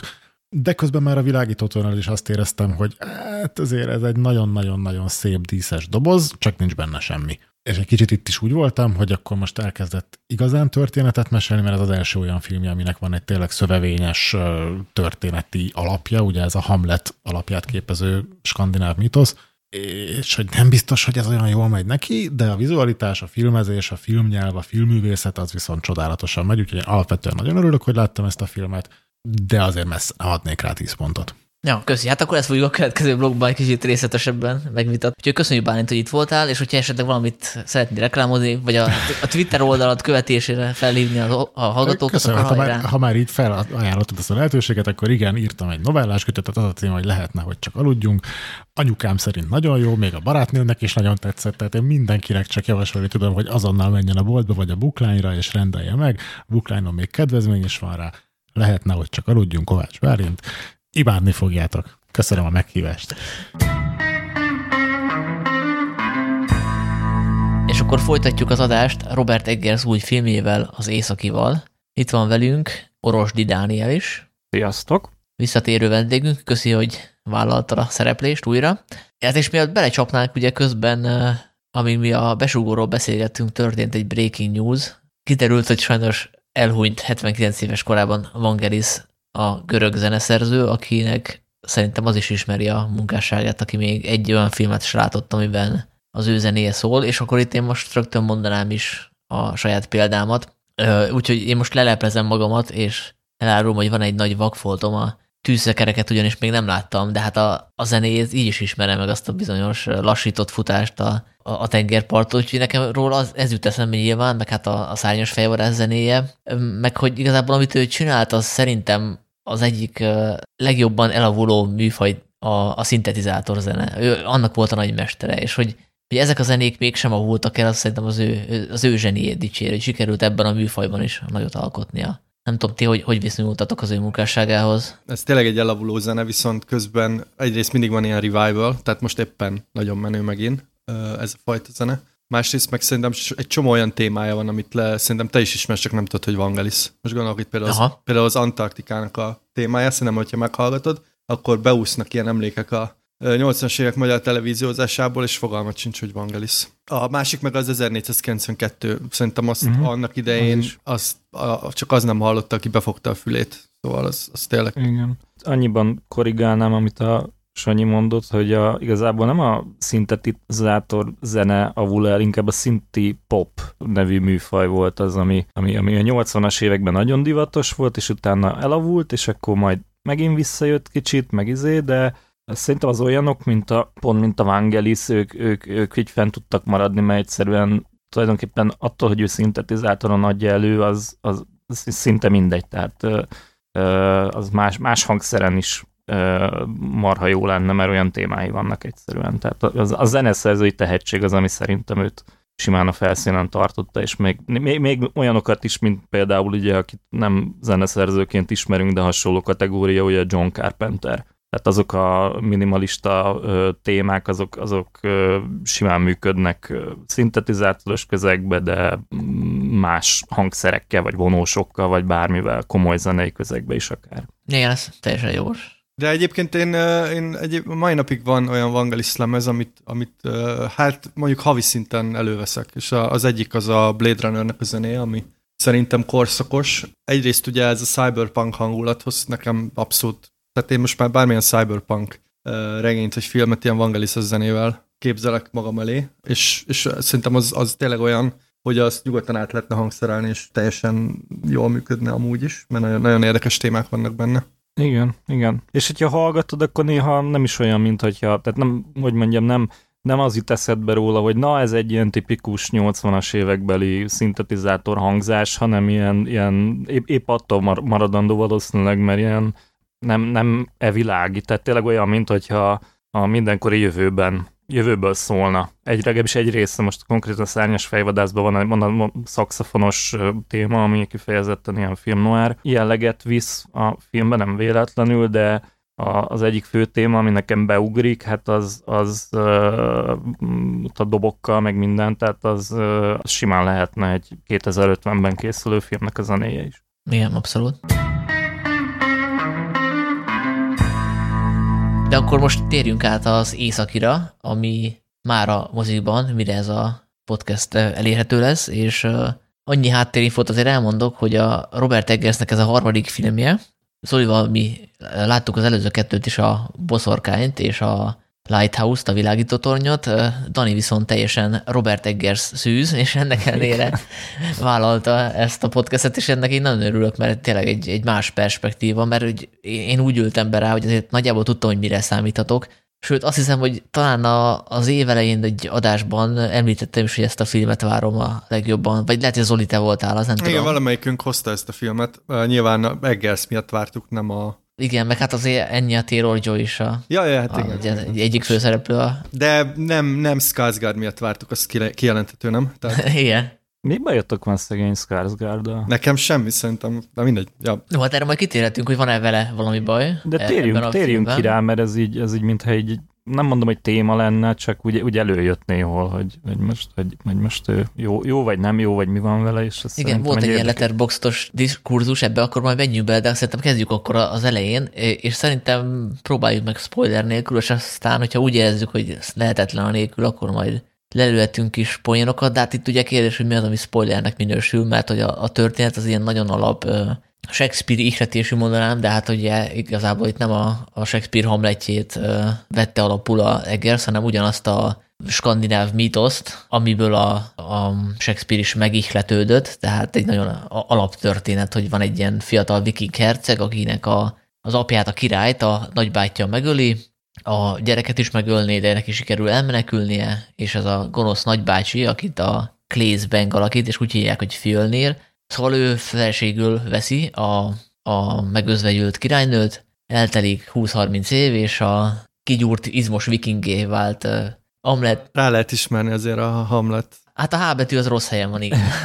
Meg, meg D-re égződik, vagy legalábbis úgy kell ejteni. De bo- bocs, hogy közbevágok, egy kicsit ki kell javítsalak, Sanyi, ez, amit te mondasz, ez a filmnek a sztoria, és én utána olvastam az eredeti legendának, amit említesz, és igazából az sokkal hamletibb. Tehát ott nem az van, ami a filmben, hogy akkor meg akarják ölni, de elmenekül, és akkor ilyen ber- berserker lesz belőle, és küzdőharcos, és visszatér, és bosszút áll, hanem ott a, a hamleti őrültséget tettetek éveken át című ö, sztori megy. És a nagybátyja gyanakszik rá, és akkor ilyen mindenféle ilyen csapdákba próbálja becsalni, és akkor a végén egy ilyen hosszas tervezés után megvalósítja bosszúját. Tehát Igen. igazából eléggé elkanyarodnak ám a, a, az eredeti legendától. Annak ellenére, hogy egy csomó mindenben nagyon hiteles a film. Hát ugye van egy fontos csavar is, ami szerintem nem spoiler, mert ez elég hamar kiderül, hogy ez a, az új király, a Fjölnir azért egy picit elszámítja magát, és elveszíti a birodalmát, úgyhogy kénytelen visszavonulni Izlandra, ahol gyakorlatilag egy ilyen farmon uralkodik, ilyen szemét, szemétdombon a kiskakas stílusban, és oda, oda megy inkognitóban a, az Amlet bosszút állni, tehát ez is egy ilyen új, új elem, hogy neki gyakorlatilag ott be kell épülnie, és itt rabszolgából kell felküzdenie magát oda, arra a Mhm. szintre, hogy bosszút tudjon állni, és, és közben ilyen gyakorlatilag ilyen pszichológiai hadviselés folytat. Ja, ezt akartam ki- kiegészíteni, hogy nem visszavonul Izlandra, hanem konkrétan ekkor hódítják meg Izlandot. Tehát ez a Izland akkor még nem volt egy ilyen bejáratott, nem tudom, királyság vagy visszavonuló hely, hanem egy ilyen perifériának számított, szóval igen, így, így egy ilyen bukottként oda, oda kénytelen elmenekülni. Hát oda kényszerítik ezeket, a, Igen. az, mert, mert ez is valós, tehát valóságon alapul, hogy amikor egy bizonyos királyhatalomra került, akkor a régi főnököket, vagy uralkodókat, nem tudom, hogy nevezzük őket, így ki kényszerítette Dániából, és akkor ők Grönlandra menekülnek, tehát ez hiteles, ami, ami nem klappol össze, egyébként meglepő módon, tehát én azt hittem, hogy ennél sokkal hülyebb a, a, az eredeti uh, sztorihoz, legendához, az az, hogy ott, ott erről szó sincsen, tehát ott a, van még, még, a, még az Ámled név is arra utal, hogy, hogy valaki bolond, vagy lassú, vagy izé, tehát hogy, tehát, hogy a sztorinak ez, ez igazából a veleje, ami ugye a Shakespeare is átmentett, hogy,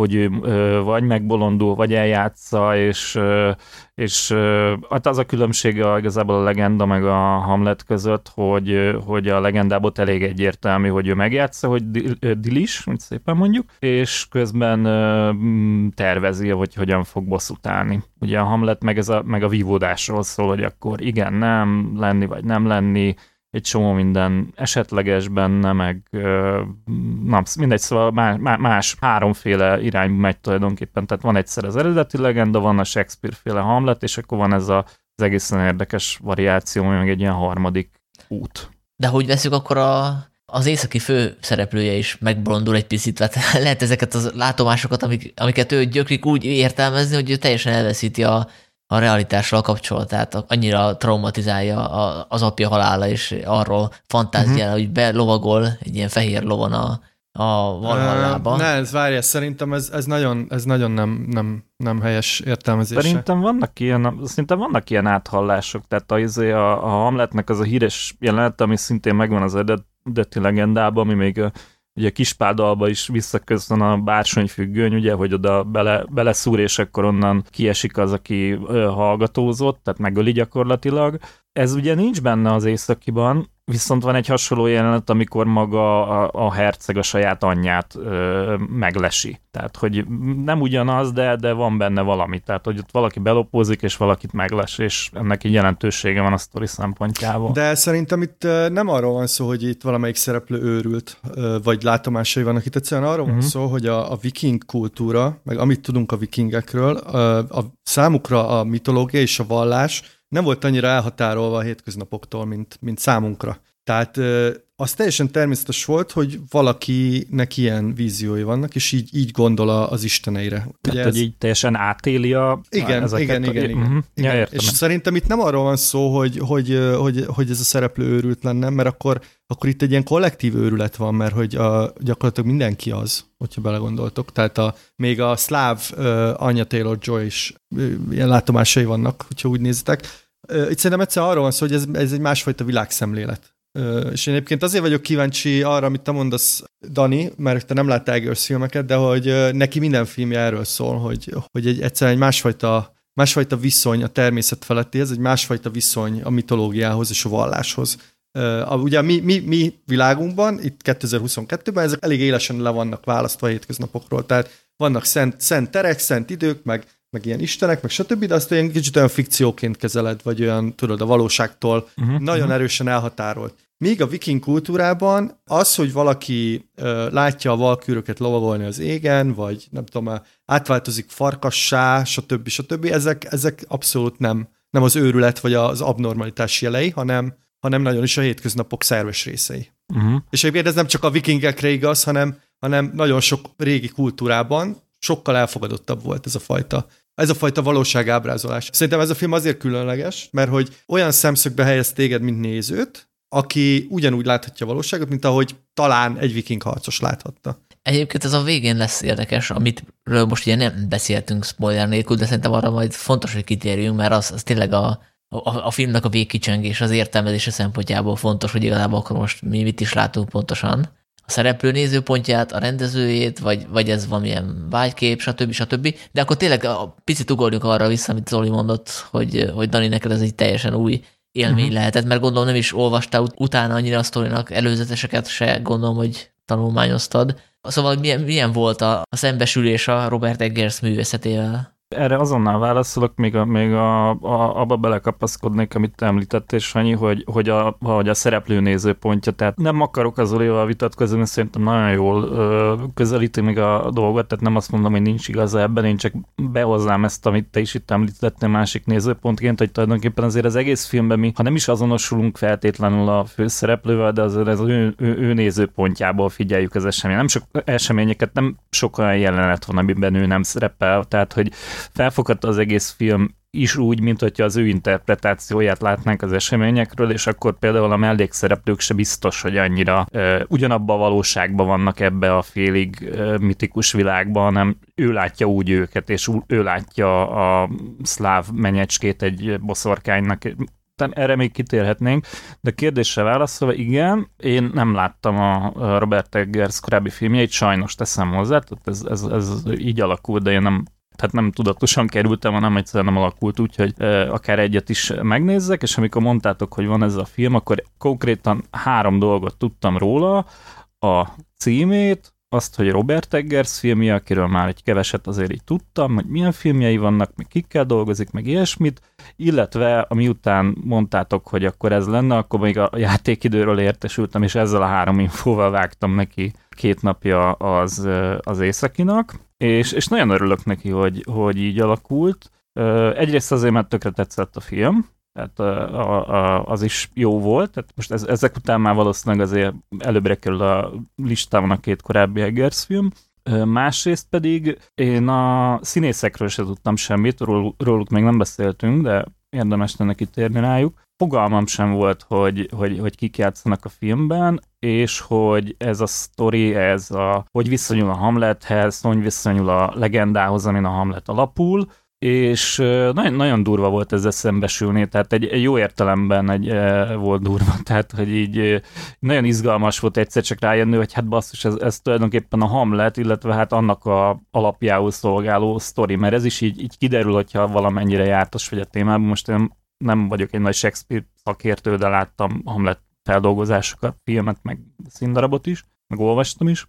Tehát valami, valami alaptudásom volt a témáról, és ami meg a színészeket illeti, az meg, az meg hasonló volt, hogy így, így csomó ideig nem tudtam eldönteni, hogy ez tényleg az Ethan Hawke, mert olyan, mint az Ethan Hawke lenne, de, de nem, hát nem, Ethan Hawke ez nem, nem, nem ő az, hát nyilván ő volt az. A Willem Dafoe konkrétan előbb ismertem meg a hangjáról, mint az arcáról. Hát jó, a Nicole Kidman nehéz eltéveszteni, tehát ő most fiatalabbnak néz ki, mint a BMX banditákban volt. Meg, meg megvékonyabb 20 kilóval, tehát nagyon durva. Egy orvosi csoda. Hát sokat dolgoznak az orvosok, azért ezt tegyük hozzá.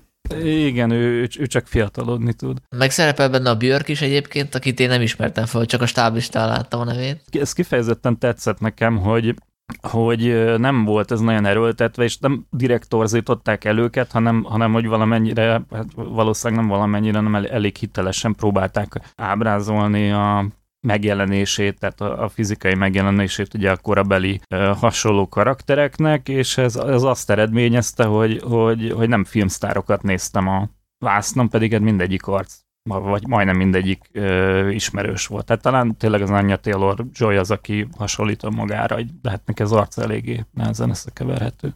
Meg hát nem tud szakállat növeszteni, legalábbis nem tudom róla.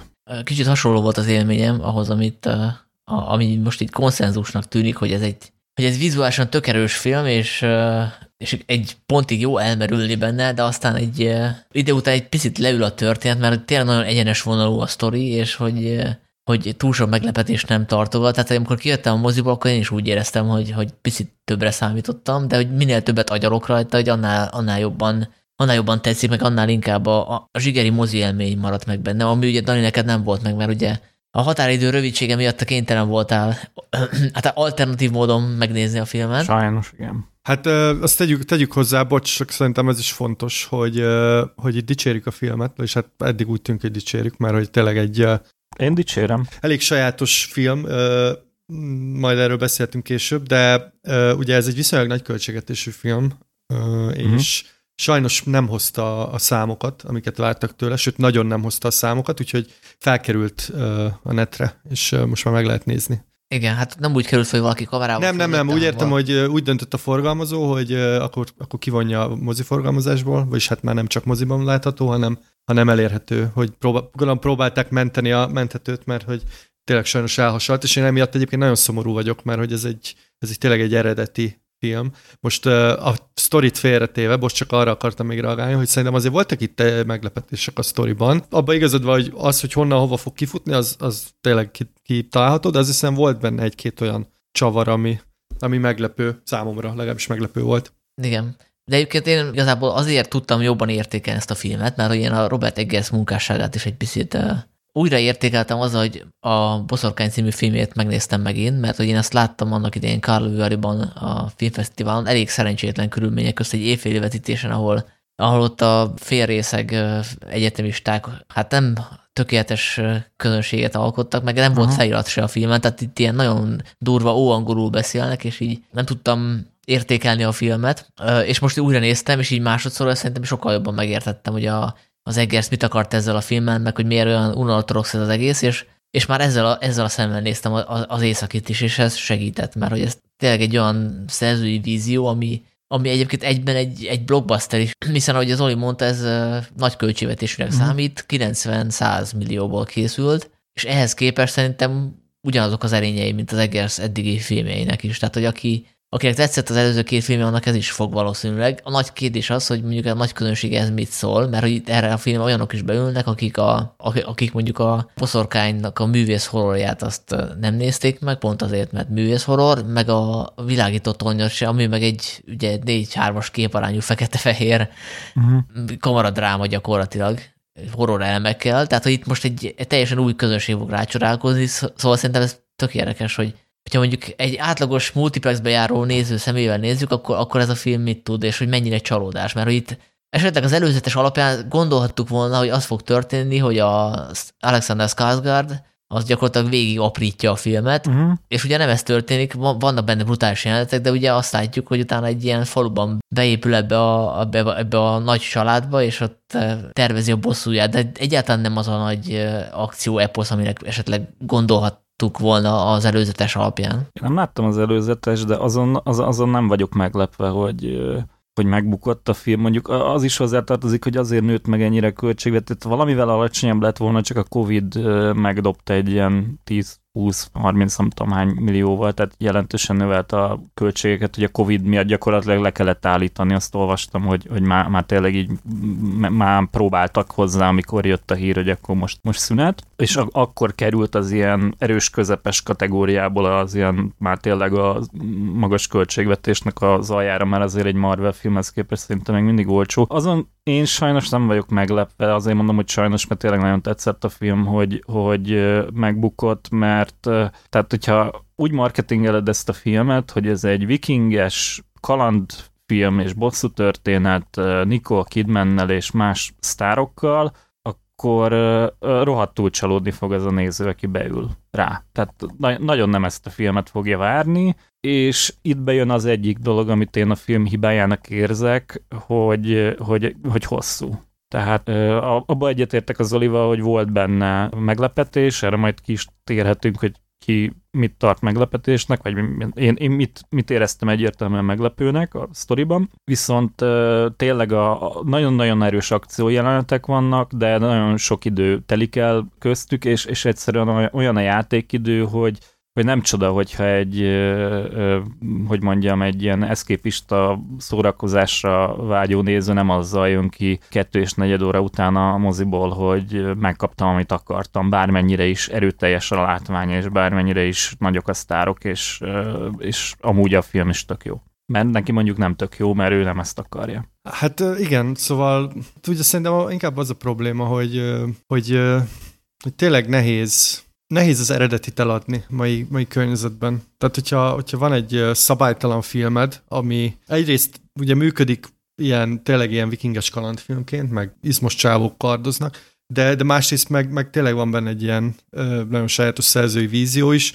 és ez a kettőt azért így marketing szempontból mondva, ezt azért nehéz, nehéz megfogni, Igen. mert hogy ö, manapság éppen az számít, hogy mondjam, az, az a vonzólás a Marvelt, hogyha, hogyha azt ígéred, hogy ö, hogy folytatódik, a, ami eddig, és most még, még jobb lesz, és még látványosabb, és még izgalmasabb. Ez, ez ugye nem az, tehát hogy ez nyilván nem az. De amúgy, amúgy szerintem egy kicsit, és hát nem tudom, hogy otthon mennyire, vagy milyen marketingje volt, itt azért nem, engem nem nagyon ért el, mondjuk én alapban nem is nagyon keresem, vagy hogy nem is nagyon figyelem, de ugye nyilván itt a marketing is inkább arra ment rá, hogy ez egy Eggers film, és, és persze vikinges, de hogy azért nem a, nem a, izé, nem tudom de én olyanokat olvastam róla, hogy a még amikor az első kritikák előtt, hogy ez, ez az új gladiátor, meg a, nem tudom, a, a Z-generáció gladiátorja, hát most ha valaki úgy ül be rá, akkor nyilván ez egy hatalmas csalódás lesz, tehát hogy ez nem arról van szó, hogy ez egy ilyen... Hát nem, nem. Zoli, te, aki láttad az előző filmét, te hogy, hogy láttad, hogy mennyit adott fel a szerzőségéből?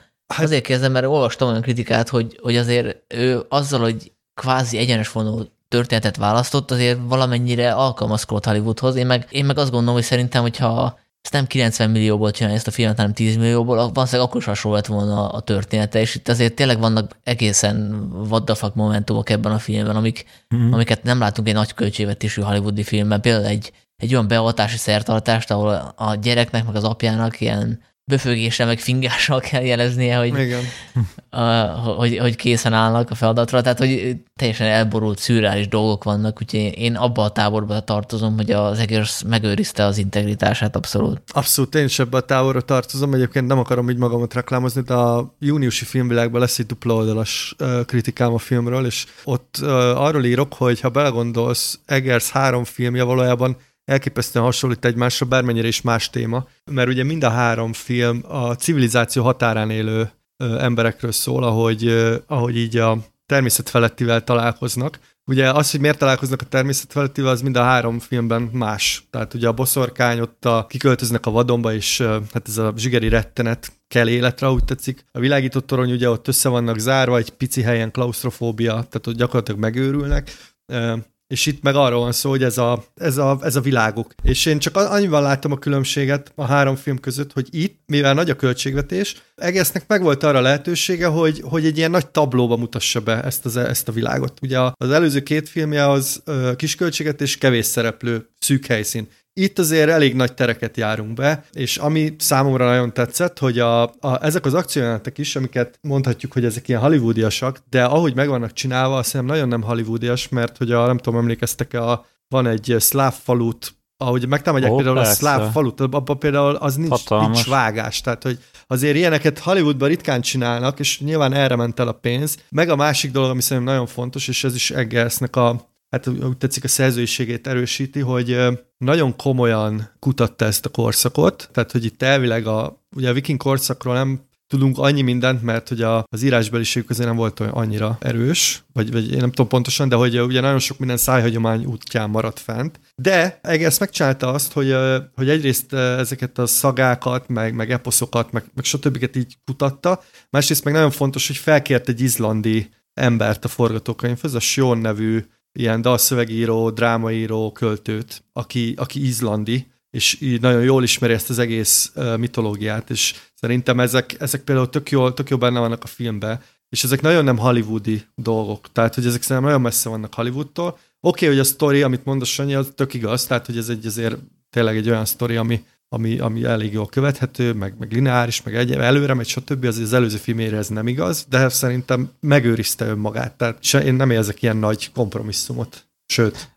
Ha, ha már itt Hollywoodozunk, azért megemlíteném, hogy uh, ugye az Eggers is uh, ja, az egyik első dolog, akkor visszatérek a saját szubjektív élményemhez, hogy amikor mit tudom én, fél órán táján volt a film, akkor állapítottam meg magamba, hogy ez kb. olyan, mint hogyha story szintjén, mint hogyha valaki a, a nagyon sokáig nézte volna Milius féle Konant, és utána úgy gondolta volna, hogy ő most csinál egy variációt a Hamletre, és megrendezi Robert Eggers, mert arra nem tudtam egy, egy alternatívát, vagy, vagy, vagy, vagy egy behelyettesíteni a rendezőt, tehát így láttam, hogy ez, ez, ez teljesen egyedi, amit ez a Manus művel, annak ellenére, vagy épp azért, hogy nem láttam a korábbi filmjeit, de ugye említettem Milius meg a Conan, tehát voltak, voltak itt azért előzmények, és a Conan is sok szempontból e, előzmény.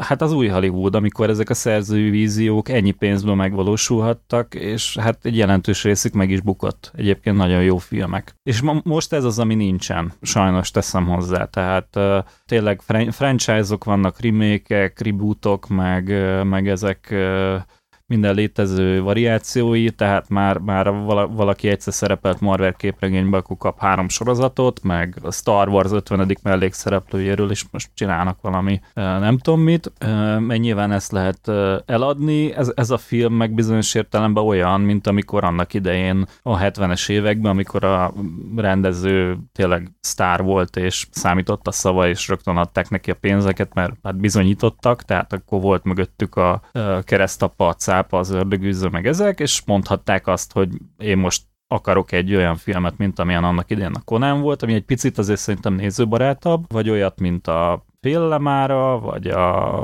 Apokalipszis most, és hát ezek egy idő után megbuktak, és a közönség másra szavazott, és elindult az, ahol most tartunk, tehát gyakorlatilag akkor a Csillagok háborúja folytatásokkal, meg az olyan filmekkel, mint a 80-as évekbeli akciófilmek, ugye a, hát az Oli nagy kedvencei a Top Gun, tehát hogy, hogy egy másfajta filmkészítői kultúra honosodott meg, ami, aminek vannak nagy teljesítményei, meg eredményei, de mondjuk én nem vagyok a nagy rajongója, tehát én, én ezeket a szerzői víziókat, és sok bukott filmet jobban szeretek, mint a korabeli sikerfilmeket is, bár azok között is van tök jó, tehát most én nem fogok a Predatorba belekötni például. Én egyébként elgondolkoztam azon, hogy vajon miért kaphatott bizalmat ez a film. Hát fölmerül bennem, hogy esetleg a, a színészek miatt, mert hogy ennyi a hogy Joel időközben elég nagy sztár lett, viszont ezt a filmet még 2020-ban forgatták, és, és kb. akkor futott be a vezércselnek köszönhetően a, a, az annyi hogy Joy. Nyilván előtte is azért voltak fontos filmjei, de, de valószínűleg nem emiatt, Másik indok lehetne az, hogy a, a boszorkány azért elég jól hozott, tehát azt hiszem az ilyen 4-5 millióba került, és annak a sok szorosát hozta vissza. Igen, igen, igen. Illetve még az is fölmerül benne, hogy esetleg ez lehet a Döni Villeneuve sikerének a utóhatása, mert hogy ő is egy ilyen kvázi független szerzői vonalról indult el, és ugye megcsinálhatta a szárnyos fejvadásznak az új verzióját, ami nem lett akkora kassza siker, de azért visszahozta az árát, és ugye most a dűnét csinálja, tehát hogy gondolkozhattak úgy a producerek, hogy hát hogyha a Döni Villeneuve-nek ez így bejött, akkor, akkor adjunk egy esélyt, és én is attól tartok, hogyha ez most elbukik, és úgy néz ki, hogy elbukik, akkor, akkor nem fognak ekkorát kockáztatni legközelebb a, a stúdió. Meg tudod, az is a baj, hogy most ez egy kicsit kitérő, de hogy közben megbukott a Nick Cage film is, meg, meg szóval hogy buknak ezek a filmek, amik próbálnak egy kicsit uh, különbözni, és kicsit, uh, hogy mondjam, ez a mid mid-budget, mondjuk ez már egy kicsit túllóg rajta, mert ez egy kicsit már nagyobb, de hogy, de hogy egyszerűen kiszorulnak azok a filmek, ami ez a, ez a, ez a kategória költségvetésben, mert vagy, vagy akkor csináljuk meg, mint a, mint a, izét, mint a, a Witcher-t, a boszorkányt, hogy 4-5 millióból, és akkor általában a horrorok azért hoznak, vagy, vagy ez a Marvel kategória, és akkor mindent bele, és hogy ezek a, ezek a közepes filmek esnek ki. Hogy, hogy ez a film miért kapott zöld utat, szerintem a, egyrészt ez a viking dolog, mert hogy a, Bármennyire is így a viking, vagy a viking mitológia így benne van a, a popkultúrában már nagyon-nagyon régóta, azért nem sok viking film van. Tehát, hogy azért belegondoltok, így nem nagyon, nem nagyon tudsz. Hát tévébe inkább megy. Hát lehet, igen. Hát igen, igen. volt egy sorozat, ami megért hat év alatt a History Channel. És azt akartam mondani, hogy a, hogy a, hogy a Vikings című sorozat, az, az viszont nagyon nagyot ment. Én úgy tudom, hogy az, az nagyon sikeres volt, és ugye a, az egész, ennek az egész Northmannek a motorja az a Skarsgård, tehát hogy ő akart minden áron ö, filmet csinálni, és hát azért neki biztos van egy kis súlya produceri szempontból, és utána ugye csatlakoztak ezek a, azért a, a casting az tényleg, tehát hogy itt a, a Kidman, a Defoe, tehát hogy azért ezek húzó nevek az Ethan Hawke is szerintem valamennyire. Szóval ebből a szempontból érthető, hogy... Szerint, szerintem rá, ráhibáztál, tehát van, van egy nagyon prózai oka, hogy miért lehetett ez ennyire nagy költségvet, vagy hát relatívan egy költségvetésű film, ugye említetted, hogy ez Skarsgårdnak, akire majd térjünk ki, meg többi szereplőre is, hogy az az ő projektje volt, és ugye volt párhuzamosan az Egersnek is egy hasonló projektje, és ez a kettő találkozott. Tehát lehet, hogy egyszerűen annyi állt a háttérbe, hogy mind a kettőjüknek már volt egy valamekkora költségvetés, vagy ígérete valamennyi pénzre, és amikor ezt összerakták, és hozták a neveket, hogy igen, akkor a Björk lesz az ez a szereplő, és akkor a Willem Dafoe-nak is lesz egy ilyen szerepe, és akkor egyszer csak ott találták magukat ebbe az 50-60 milliós kategóriába, ami aztán önhibájukon kívül megnőtt, de eredetileg lehet, hogy ez, ez egy ilyen 10-20 milliós film lett volna, hogyha csak valamelyikük fut neki. Ja, igen, ez, ez is benne lehet, igen két, két vonalon ment a, ment a dolog, ez, ez lehet egy magyarázat, de én, én a, tehát azt se tartom butaságnak, amit mondtatok a Villeneuve-ről, meg a, az egyéb körülmények. Ja, igen, abszolút, abszolút. Hát még esetleg a, a trónok harca sikere is eszembe jutott, mert hogy ott derült ki, hogy van közönségigény olyan kosztümös sorozatra, ahol, ahol van szex, meg van erőszak, és, és tényleg vér, meg mocsok, meg sár. Igen. Tehát, hogy ez, igen. Igazából könnyen eladható, tehát nyilván amikor a néző beül a moziba, akkor rájön, hogy hoppá, hát ez nem biztos, hogy az a fajta típusú könnyed vikinges hentelés, amire befizettem, de hát akkor már késő. Viszont akkor tényleg beszéljünk a, a színészekről, hogyha már Dani felhoztad megint. Mm-hmm. Én olyan véleményt is olvastam, hogy lehet, hogy szerencsésebb, hogy egy vikinges sorozatban olyan arcok vannak, akiket máshonnan nem ismert. Tehát, hogy ismersz, tehát hogy jobban bele tudod élni magad. Például én az Ethan hawke nem hittem el, hogy ő viking király, tehát hogy... De föl se ismertem, látod? Tehát, hogy, hogy mennyire más, hogy...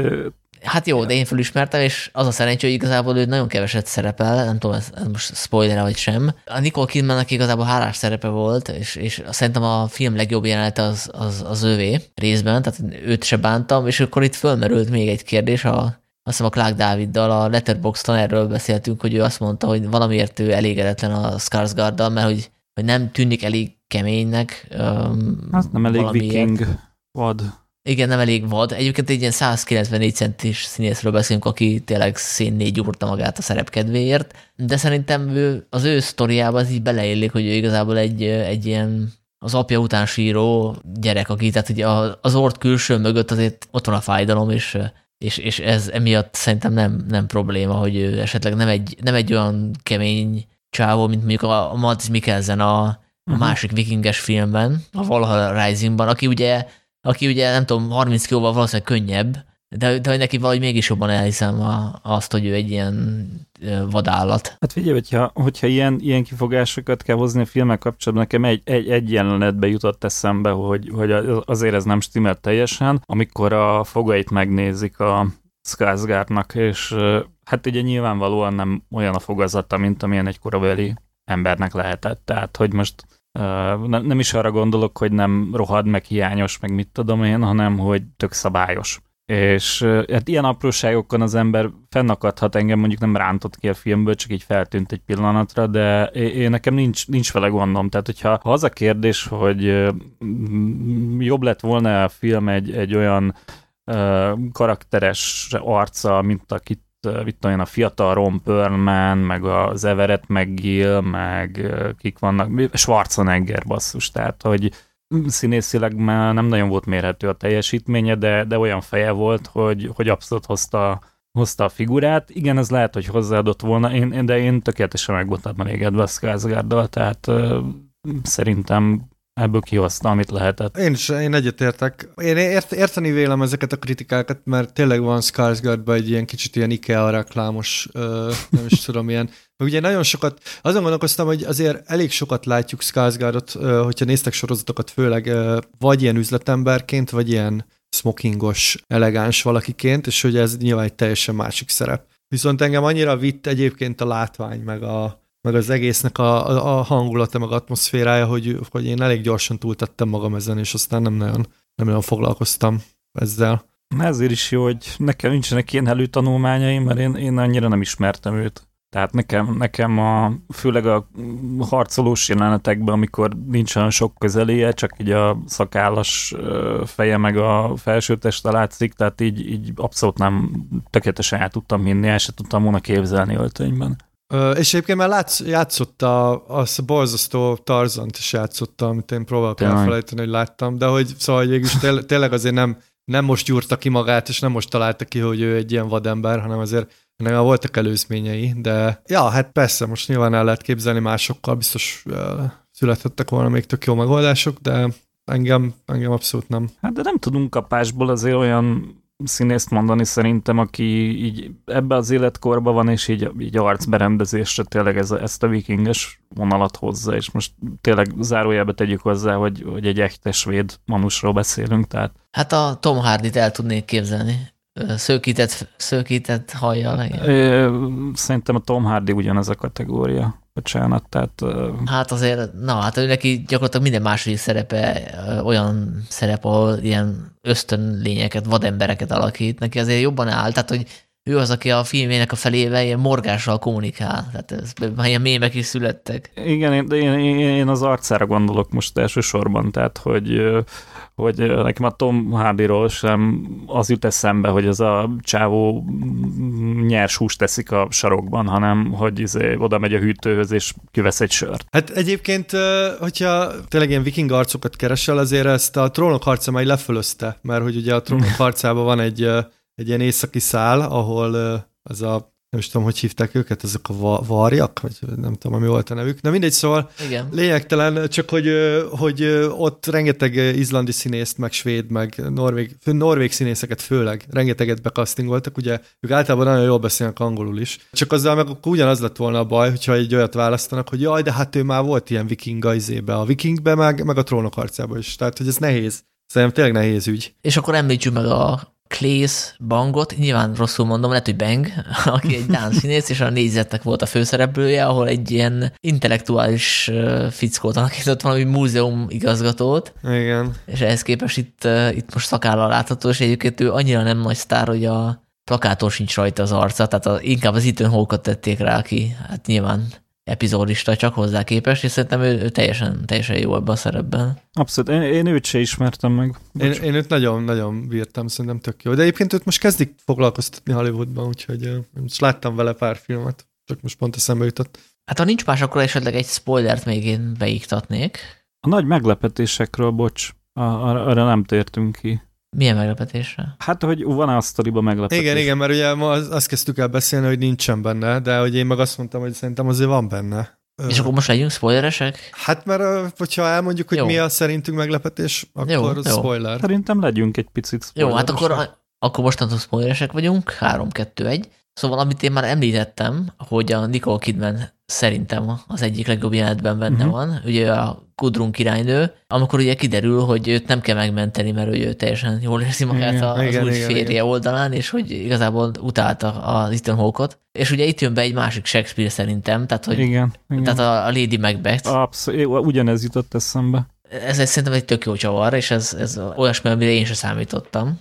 Bár igazából átgondolva azért azért ez logikus lehetett ez a, ez a csavar, de váratlanul élt. De bejön az, amit, amit, amiről, amit szintén érintettünk, hogy ugye a, hát most vagy, vagy tényleg ez van, vagy, vagy, vagy mindent annyira a főszereplő szemszögéből látunk, hogy fel sem merül.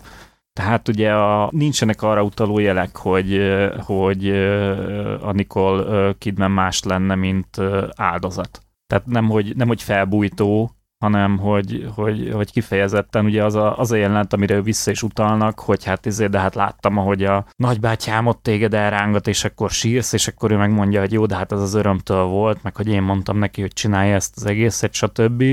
Tehát, hogy, hogy tényleg akkor, akkor én így elkezdtem gondolkodni, hogy, hogy akkor most tényleg ez, ez itt benne van ebbe a filmbe?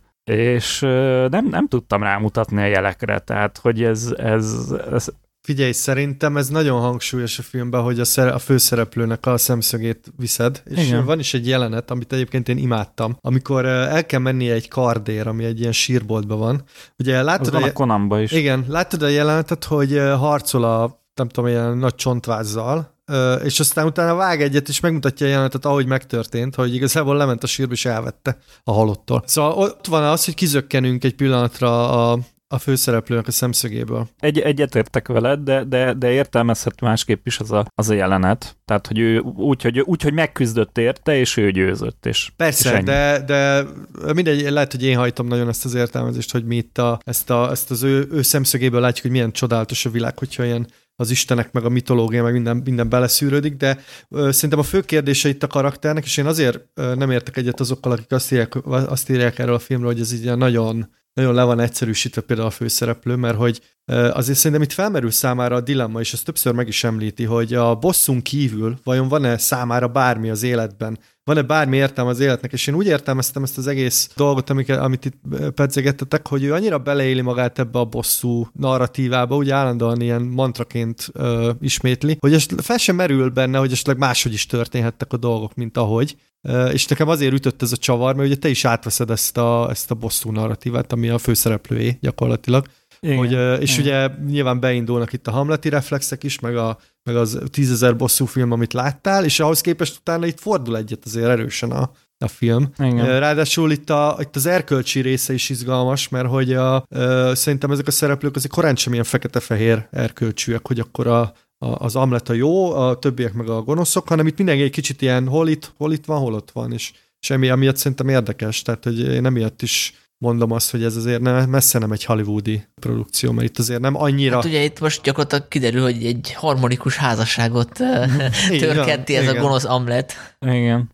Hát de erre, erre megint, eszünkbe juthat új Hollywood, hát maga a Conan sztori, amit emlegettünk, nem véletlen, mert a, tehát a Conan sem egy ilyen mindenek fölötti pozitív uh, szereplő azért, ja, tehát ja. hogy meg, megvannak a maga dolgai, meg ugye egy másik film, ami, ami hangsúlyosan a főszereplőnek a nézőpontját ábrázolja, és ebből a szempontból nagyon becsapós ugye a taxisofőr, és hát az a film is olyan, hogyha, hogy elkezded nézni, és hogyha nincsenek erre nagyon jó receptoraid, vagy nem tudom, mit mondjak, radarod, akkor, akkor az jaj, szegény, szegény srác. Én kb. tizedszer láttam a filmet, vagy nem tudom hányadszor, amikor belegondoltam, hogy basszus, abba se lehetünk biztosak, hogy ez egy vietnámi veterán. Tehát semmi bizonyítékunk nincs rá, hogy ő tényleg volt Vietnámba, érdekes módon. Jó, térjünk vissza a vikingekhez.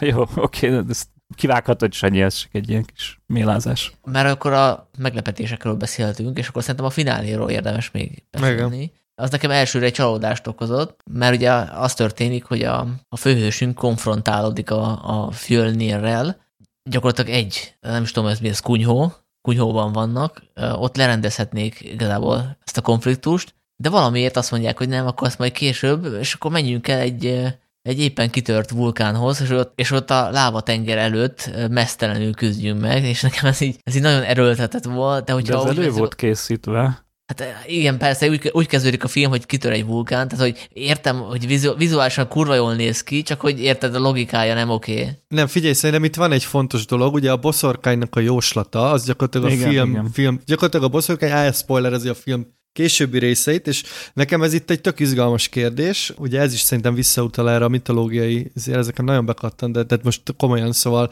ugye a boszorkánynak csak úgy teljesülhet a jóslata, hogyha a főszereplő tényleg úgy cselekszik, ahogy egyébként a jóslatban meg van írva. Tehát, hogy a jóslat az, hogy a ilyen tűztóban fog végezni a, a főellenséggel, és ahhoz, hogy bekövetkezzen ez, ez neki tényleg el kell mennie. Tehát, hogy ő, ő lesz, a, Igen. aki előidézi a, az, hogy beteljesüljön a jóslat, és szerintem ez egy tök jó gondolat.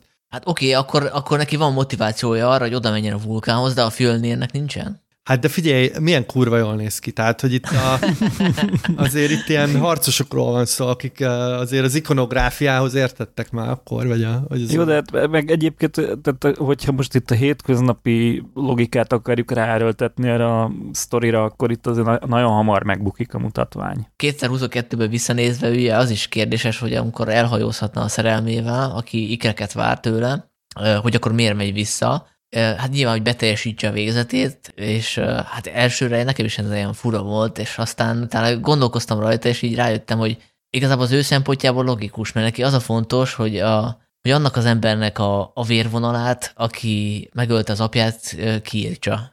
Mert hogy ez a, ez a lényeg, ugye, és látjuk a filmben visszatérően ezt a fajta ilyen családfalátomásos motivumot. Igen, igen, igen. És ugye ennek ez a lényege, hogy igaz, hogy ő meghal, de neki ikrei születnek, Viszont a, a Fjölnirnek gyakorlatilag kiirtotta a teljes családját, és most őt is megöli, és gyakorlatilag ezt jelenti számára a győzelmet, hogy az ő vérvonal tovább él. Hát adnak neki valamiféle motivációt, tehát ő ott mondja nagyon határozottan, hogy azért kell megölnie, hogy ne állhasson bosszút, tehát hogy nehogy az legyen, hogy utánuk jön. Hova, hova is mennek? Britanniába mennek?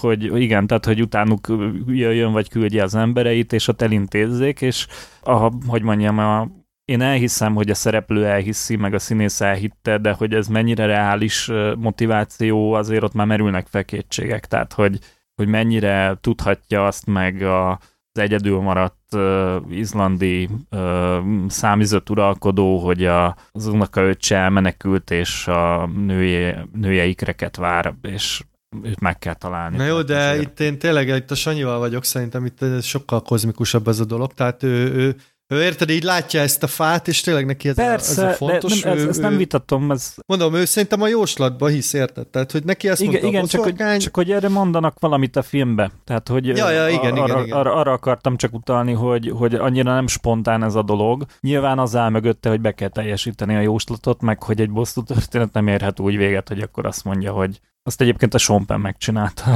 egy filmjében, hogy nem úgy ért véget, ahogy vártad, de ö, itt nem erről van szó, hanem nyilván ezt meg kell csinálnia, de valami, valamit adtak neki. Tehát, hogy valamivel dolgozhatott ő ott a nejének, vagy, vagy kedvesének. Tehát, hogy mondhatta azt, hogyha, hogyha ezt nem zárom le ezt a sztorit, akkor ti veszélybe lesztek. Vagy lehet, hogy ő is elhitte, ugye a szerep szerint. Igen, csak, a, én csak arra utalok, hogy itt nagyon sok olyan ö, ö, ilyen epizód, meg, meg döntés van a filmben, ami szerintem racionálisan tényleg nem indokolható. Persze. Ugye, és viszont, viszont meg ilyen, ugye nagyon sok ilyen szertartás van, nagyon sokszor találkozik boszorkány, vagyis hát még ilyen férfi boszorkány is van benne, hogy, és nagyon sokszor úgy, így kap tippet, meg nagyon sokszor ugye vissza, visszakozik, stb., és utána mégis, szóval hogy ezek ilyen, szerintem ebből a szempontból érdekes tényleg, hogy itt, itt nem feltétlenül logikát követi, és szerintem ez reális, tehát hogyha, hogyha valaki tényleg, tényleg hisz így az ilyenfajta mitológiában, meg ezekben a szertartásokban, akkor lehet, hogy úgy cselekszik, hogy számodra nem feltétlenül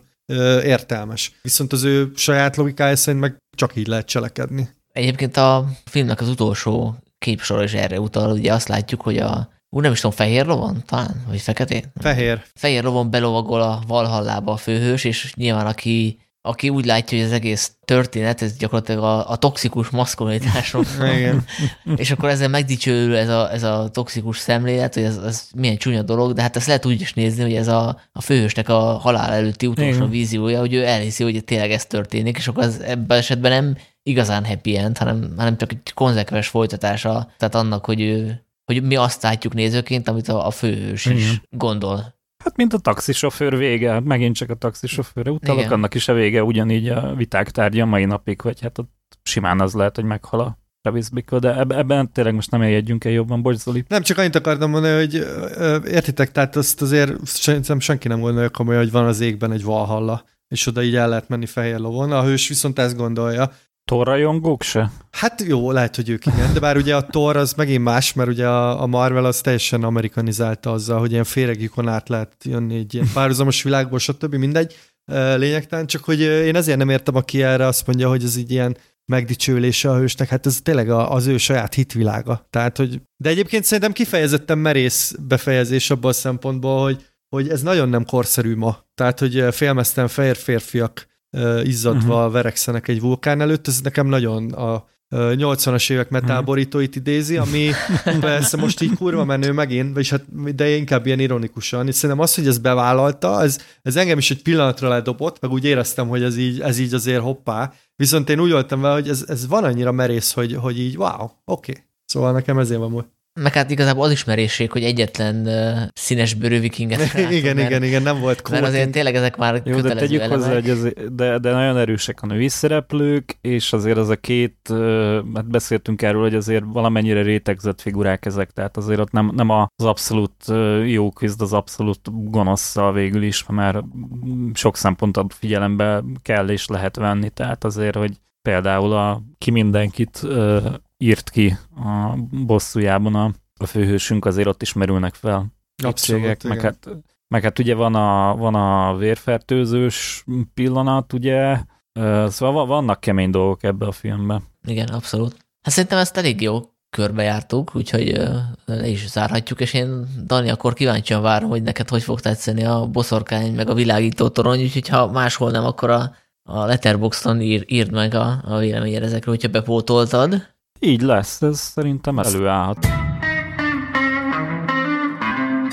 Akkor zárásként a szokásos ajánló rovatunk következik, amiben szerepelhet film, sorozat, vagy bármi egyéb. Melyikünk kezdi? Kezdje, Dani. Most jöhetne az, amikor én azt mondom, hogy kedves hallgató, hogyha tetszett az éjszaki, vagy érdekesnek tartod, akkor nézd meg ugyanennek a legendának a másik filmváltozatát, a variáció ugyanerre a témára. eh, Jelszóval a Jutland hercege című magyar szinkronnal is rendelkező Gabriel Axel filmet, de nem ezt mondom, ugyanis az egy dolog, hogy a két film nagyon nem hasonlít egymásra, de ez nem is egy igazán jó film, tehát ez inkább egy ilyen érdekesség, hogy ö, ugyanennek a legendának azért már volt egy feldolgozása, ami hát inkább, inkább egyébként egy ilyen hamlettel összefüggésbe értelmezhető valami, szemben az északi, valami így teljesen megáll a saját lábán, úgyhogy ezt, ezt nem ajánlom, ezt inkább csak egy érdekességképpen mondom, hogy van egy ilyen. Egyébként színész gárda szempontjából még erősebb az északinál, tehát a, a, olyan színészek vannak benne, a Tom Wilkinson, Gabriel Byrne, Christian Bale, Helen Mirren, Andy Serkis, Ewan Bremner, fú, nem tudom. Tehát a, a, aki, aki élt és mozgott és számított akkoriban a Nagy-Britanniában, az, az feltűnik abba a filmben. Ilyen szempontból nagyon jó, sajnos maga a film az nem annyira. Viszont amit ajánlok, az egy könyv, tehát egy bármi egyéb, méghozzá ugyanabba a kategóriába, ahol egyszer már ajánlottam, Monty Python tag önéletrajza, egyszer ajánlottam a John Cleese-nek az önéletrajzát, most pedig a Terry Gilliamnek a ö, Gilliam-esque című önéletrajzát merem ajánlani, ami teljesen más, mint a John Cleese, tehát ez John Cleese-nél az, azt tetszett nagyon, hogy tényleg, tényleg érződik, hogy a Manus az egy író, és, és hogy ő most megírta a, az életét, és, és teljesen ez a kategória, a, a Terry Gilliam ilyen értelemben nem író, és a könyv is tele van képekkel, meg rajzokkal, meg fotókkal. Ezzel együtt ő is jól ír, és nagyon érdekesen adja elő a, Hát gyakorlatilag mindent, amit, ami nincs benne más könyvekben, meg más dokumentumfilmekben, mert hogyha valaki tudni akarja, hogy hogy készültek a filmek, meg a sorozatok, akkor tényleg már magyar nyelven is hatalmas irodalom áll rendelkezésére. Itt a Gilliam tényleg önmagáról mesél meg, hogy milyen érdekes kacskaringói voltak, a, voltak az életének, és nekem, nagyon bejött, nem, nem társíróval írta, tehát nem, nem volt segédlet, tényleg ő volt az, aki leült és végigvette a saját életét, tényleg nagyon érdekes és jó képanyag van hozzá. Az egyes filmekről írhatott volna többet, ezt mondjuk hibául fel tudom róni, de ennek meg tényleg utána lehet nézni, mert minden filmjéről szinte készült egy lapos dokumentumfilm, vagy könyv, vagy valami, tehát ezzel el vagyunk látva, és, és tényleg tök jó. Tehát, hogyha valaki Monty Python-t és vagy Terry Gilliamet kedveli, akkor nyugodtan olvass el a Gilliam-eszk című önéletrajzot. Jó, hát én meg lettem győzve. Nekem meg megvan ez a könyv, csak még nem olvastam el. Érdemes. Szerintem bele. De be mindenképp elfogom, mert csak az is lekerüljön a polcról, és átkerülhessen a másikba, de most... Ne, rohadt nehéz. Igen, egy nagy, nagy darab könyv, tehát tényleg szép. szép. Egy, egy rokonomnak ráesett a lábára, ne tudjátok meg, mit mondott, tehát konkrét milyen seb lett utána, tehát ez szó szerint egy több kilós kötet. Jó, akkor én egy filmet ajánlok, egy magyar filmet, az a címe, hogy Zanox, kockázatok és mellékhatások, ami május 26-ától látható a mozikban. Ez egy első film, Baranyi Gábor Benőnek a filmje, amit egyébként már kamaszkorában megírt, és azóta tervezgett, hogy elkészíti, most lett belőle valami. Hát ez gyakorlatilag egy hurokfilm, aminek az a különlegessége, hogy hát egy nagyon fura műfaja, tehát hogy főleg komédia, de azért vannak benne ijesztőbb részek is, és én egy picit a, az űrpiknikhez tudnám hasonlítani, tehát az, tehát az is egy ilyen alacsony költségvetésű nagyon fura skifi komédia, és szerintem ez is hasonlóan szórakoztató. Hát érződik rajta, hogy azért kevés pénzből forgott, az inkubátor projekt volt, 18 nap alatt vették föl, és az benne az extra, hogy ezt kivételesen nem Budapesten, hanem Dunajvárosban, többnyire Dunajvárosban vették föl, és, és teljesen vicces a gyerekbetegségétől eltekintve. Tehát azért van benne egy picit ilyen amatőr báj, de, de tök jók a szereplők. Beszéltünk itt a műsor első felében a besúgóról, ahol, ahol mm, vérprofi bizonyított színészek vannak, itt azért főleg kezdők, illetve a mellékszerepekben amatőrök, és, és szerintem tök jól áll ez a, ez a, ez a helyi íz a, a filmnek, úgyhogy én ajánlom mindenkinek. Te engem meggyőztél, én remélem, hogy majd meg tudom valamikor nézni nyáron. Jó hangzik. Zoli? Hát, hogyha könyv volt és film, akkor most zenét ajánlok, mégpedig a Rammstein együttesnek már nemrég jelent meg a, az új album a Zeit címmel, és nagyon-nagyon szuper lett, úgyhogy én nagyon szerettem a Rammstein, de azért a, ugye az olyan régi zenekarról van szó már, szerintem lassan 30 évesek, és azért ugye a 2000-es évek közep óta nem nagyon csináltak szerintem jó, jó lemezeket, nem is nagyon csináltak lemezeket, és most ez egy ilyen nagyon izgalmas comeback, és szerintem nagyon, nagyon jó hallgatni való.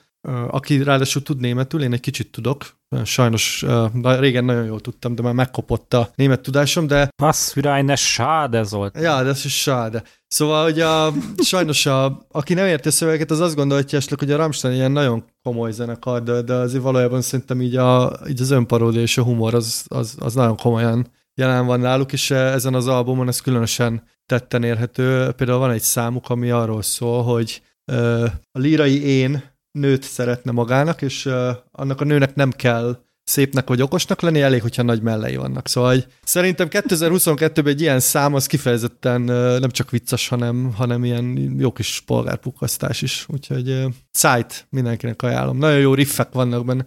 Biztos, hogy nem a Rassmeyernek a zenekara? Szegény Lehet, hogy a Rassmeyer hatása kimutatható, de hát ilyen, ilyen számok vannak. Szóval van, van száma a plastikai sebészetről például. Szóval szerintem nagyon vicces, én nagyon szerettem, és hát nagyon, nagyon jó gitáriffek vannak benne, és egyébként 2023-ban Budapesten fognak fellépni. Ha otthon leszek, mindenképp elmegyek nyáron valamikor, és Rammsteinnak a, a showi azért elég, a látványról elég híresek. Jó, hát akkor köszönjük az ajánlókat, meg köszönjük Kovács Bálintnak és Orosdi Daninak a beugrást. Nincs mit. És hát akkor két hét múlva valószínűleg újra jövünk. Köszönjük a figyelmet, sziasztok! Sziasztok! Sziasztok!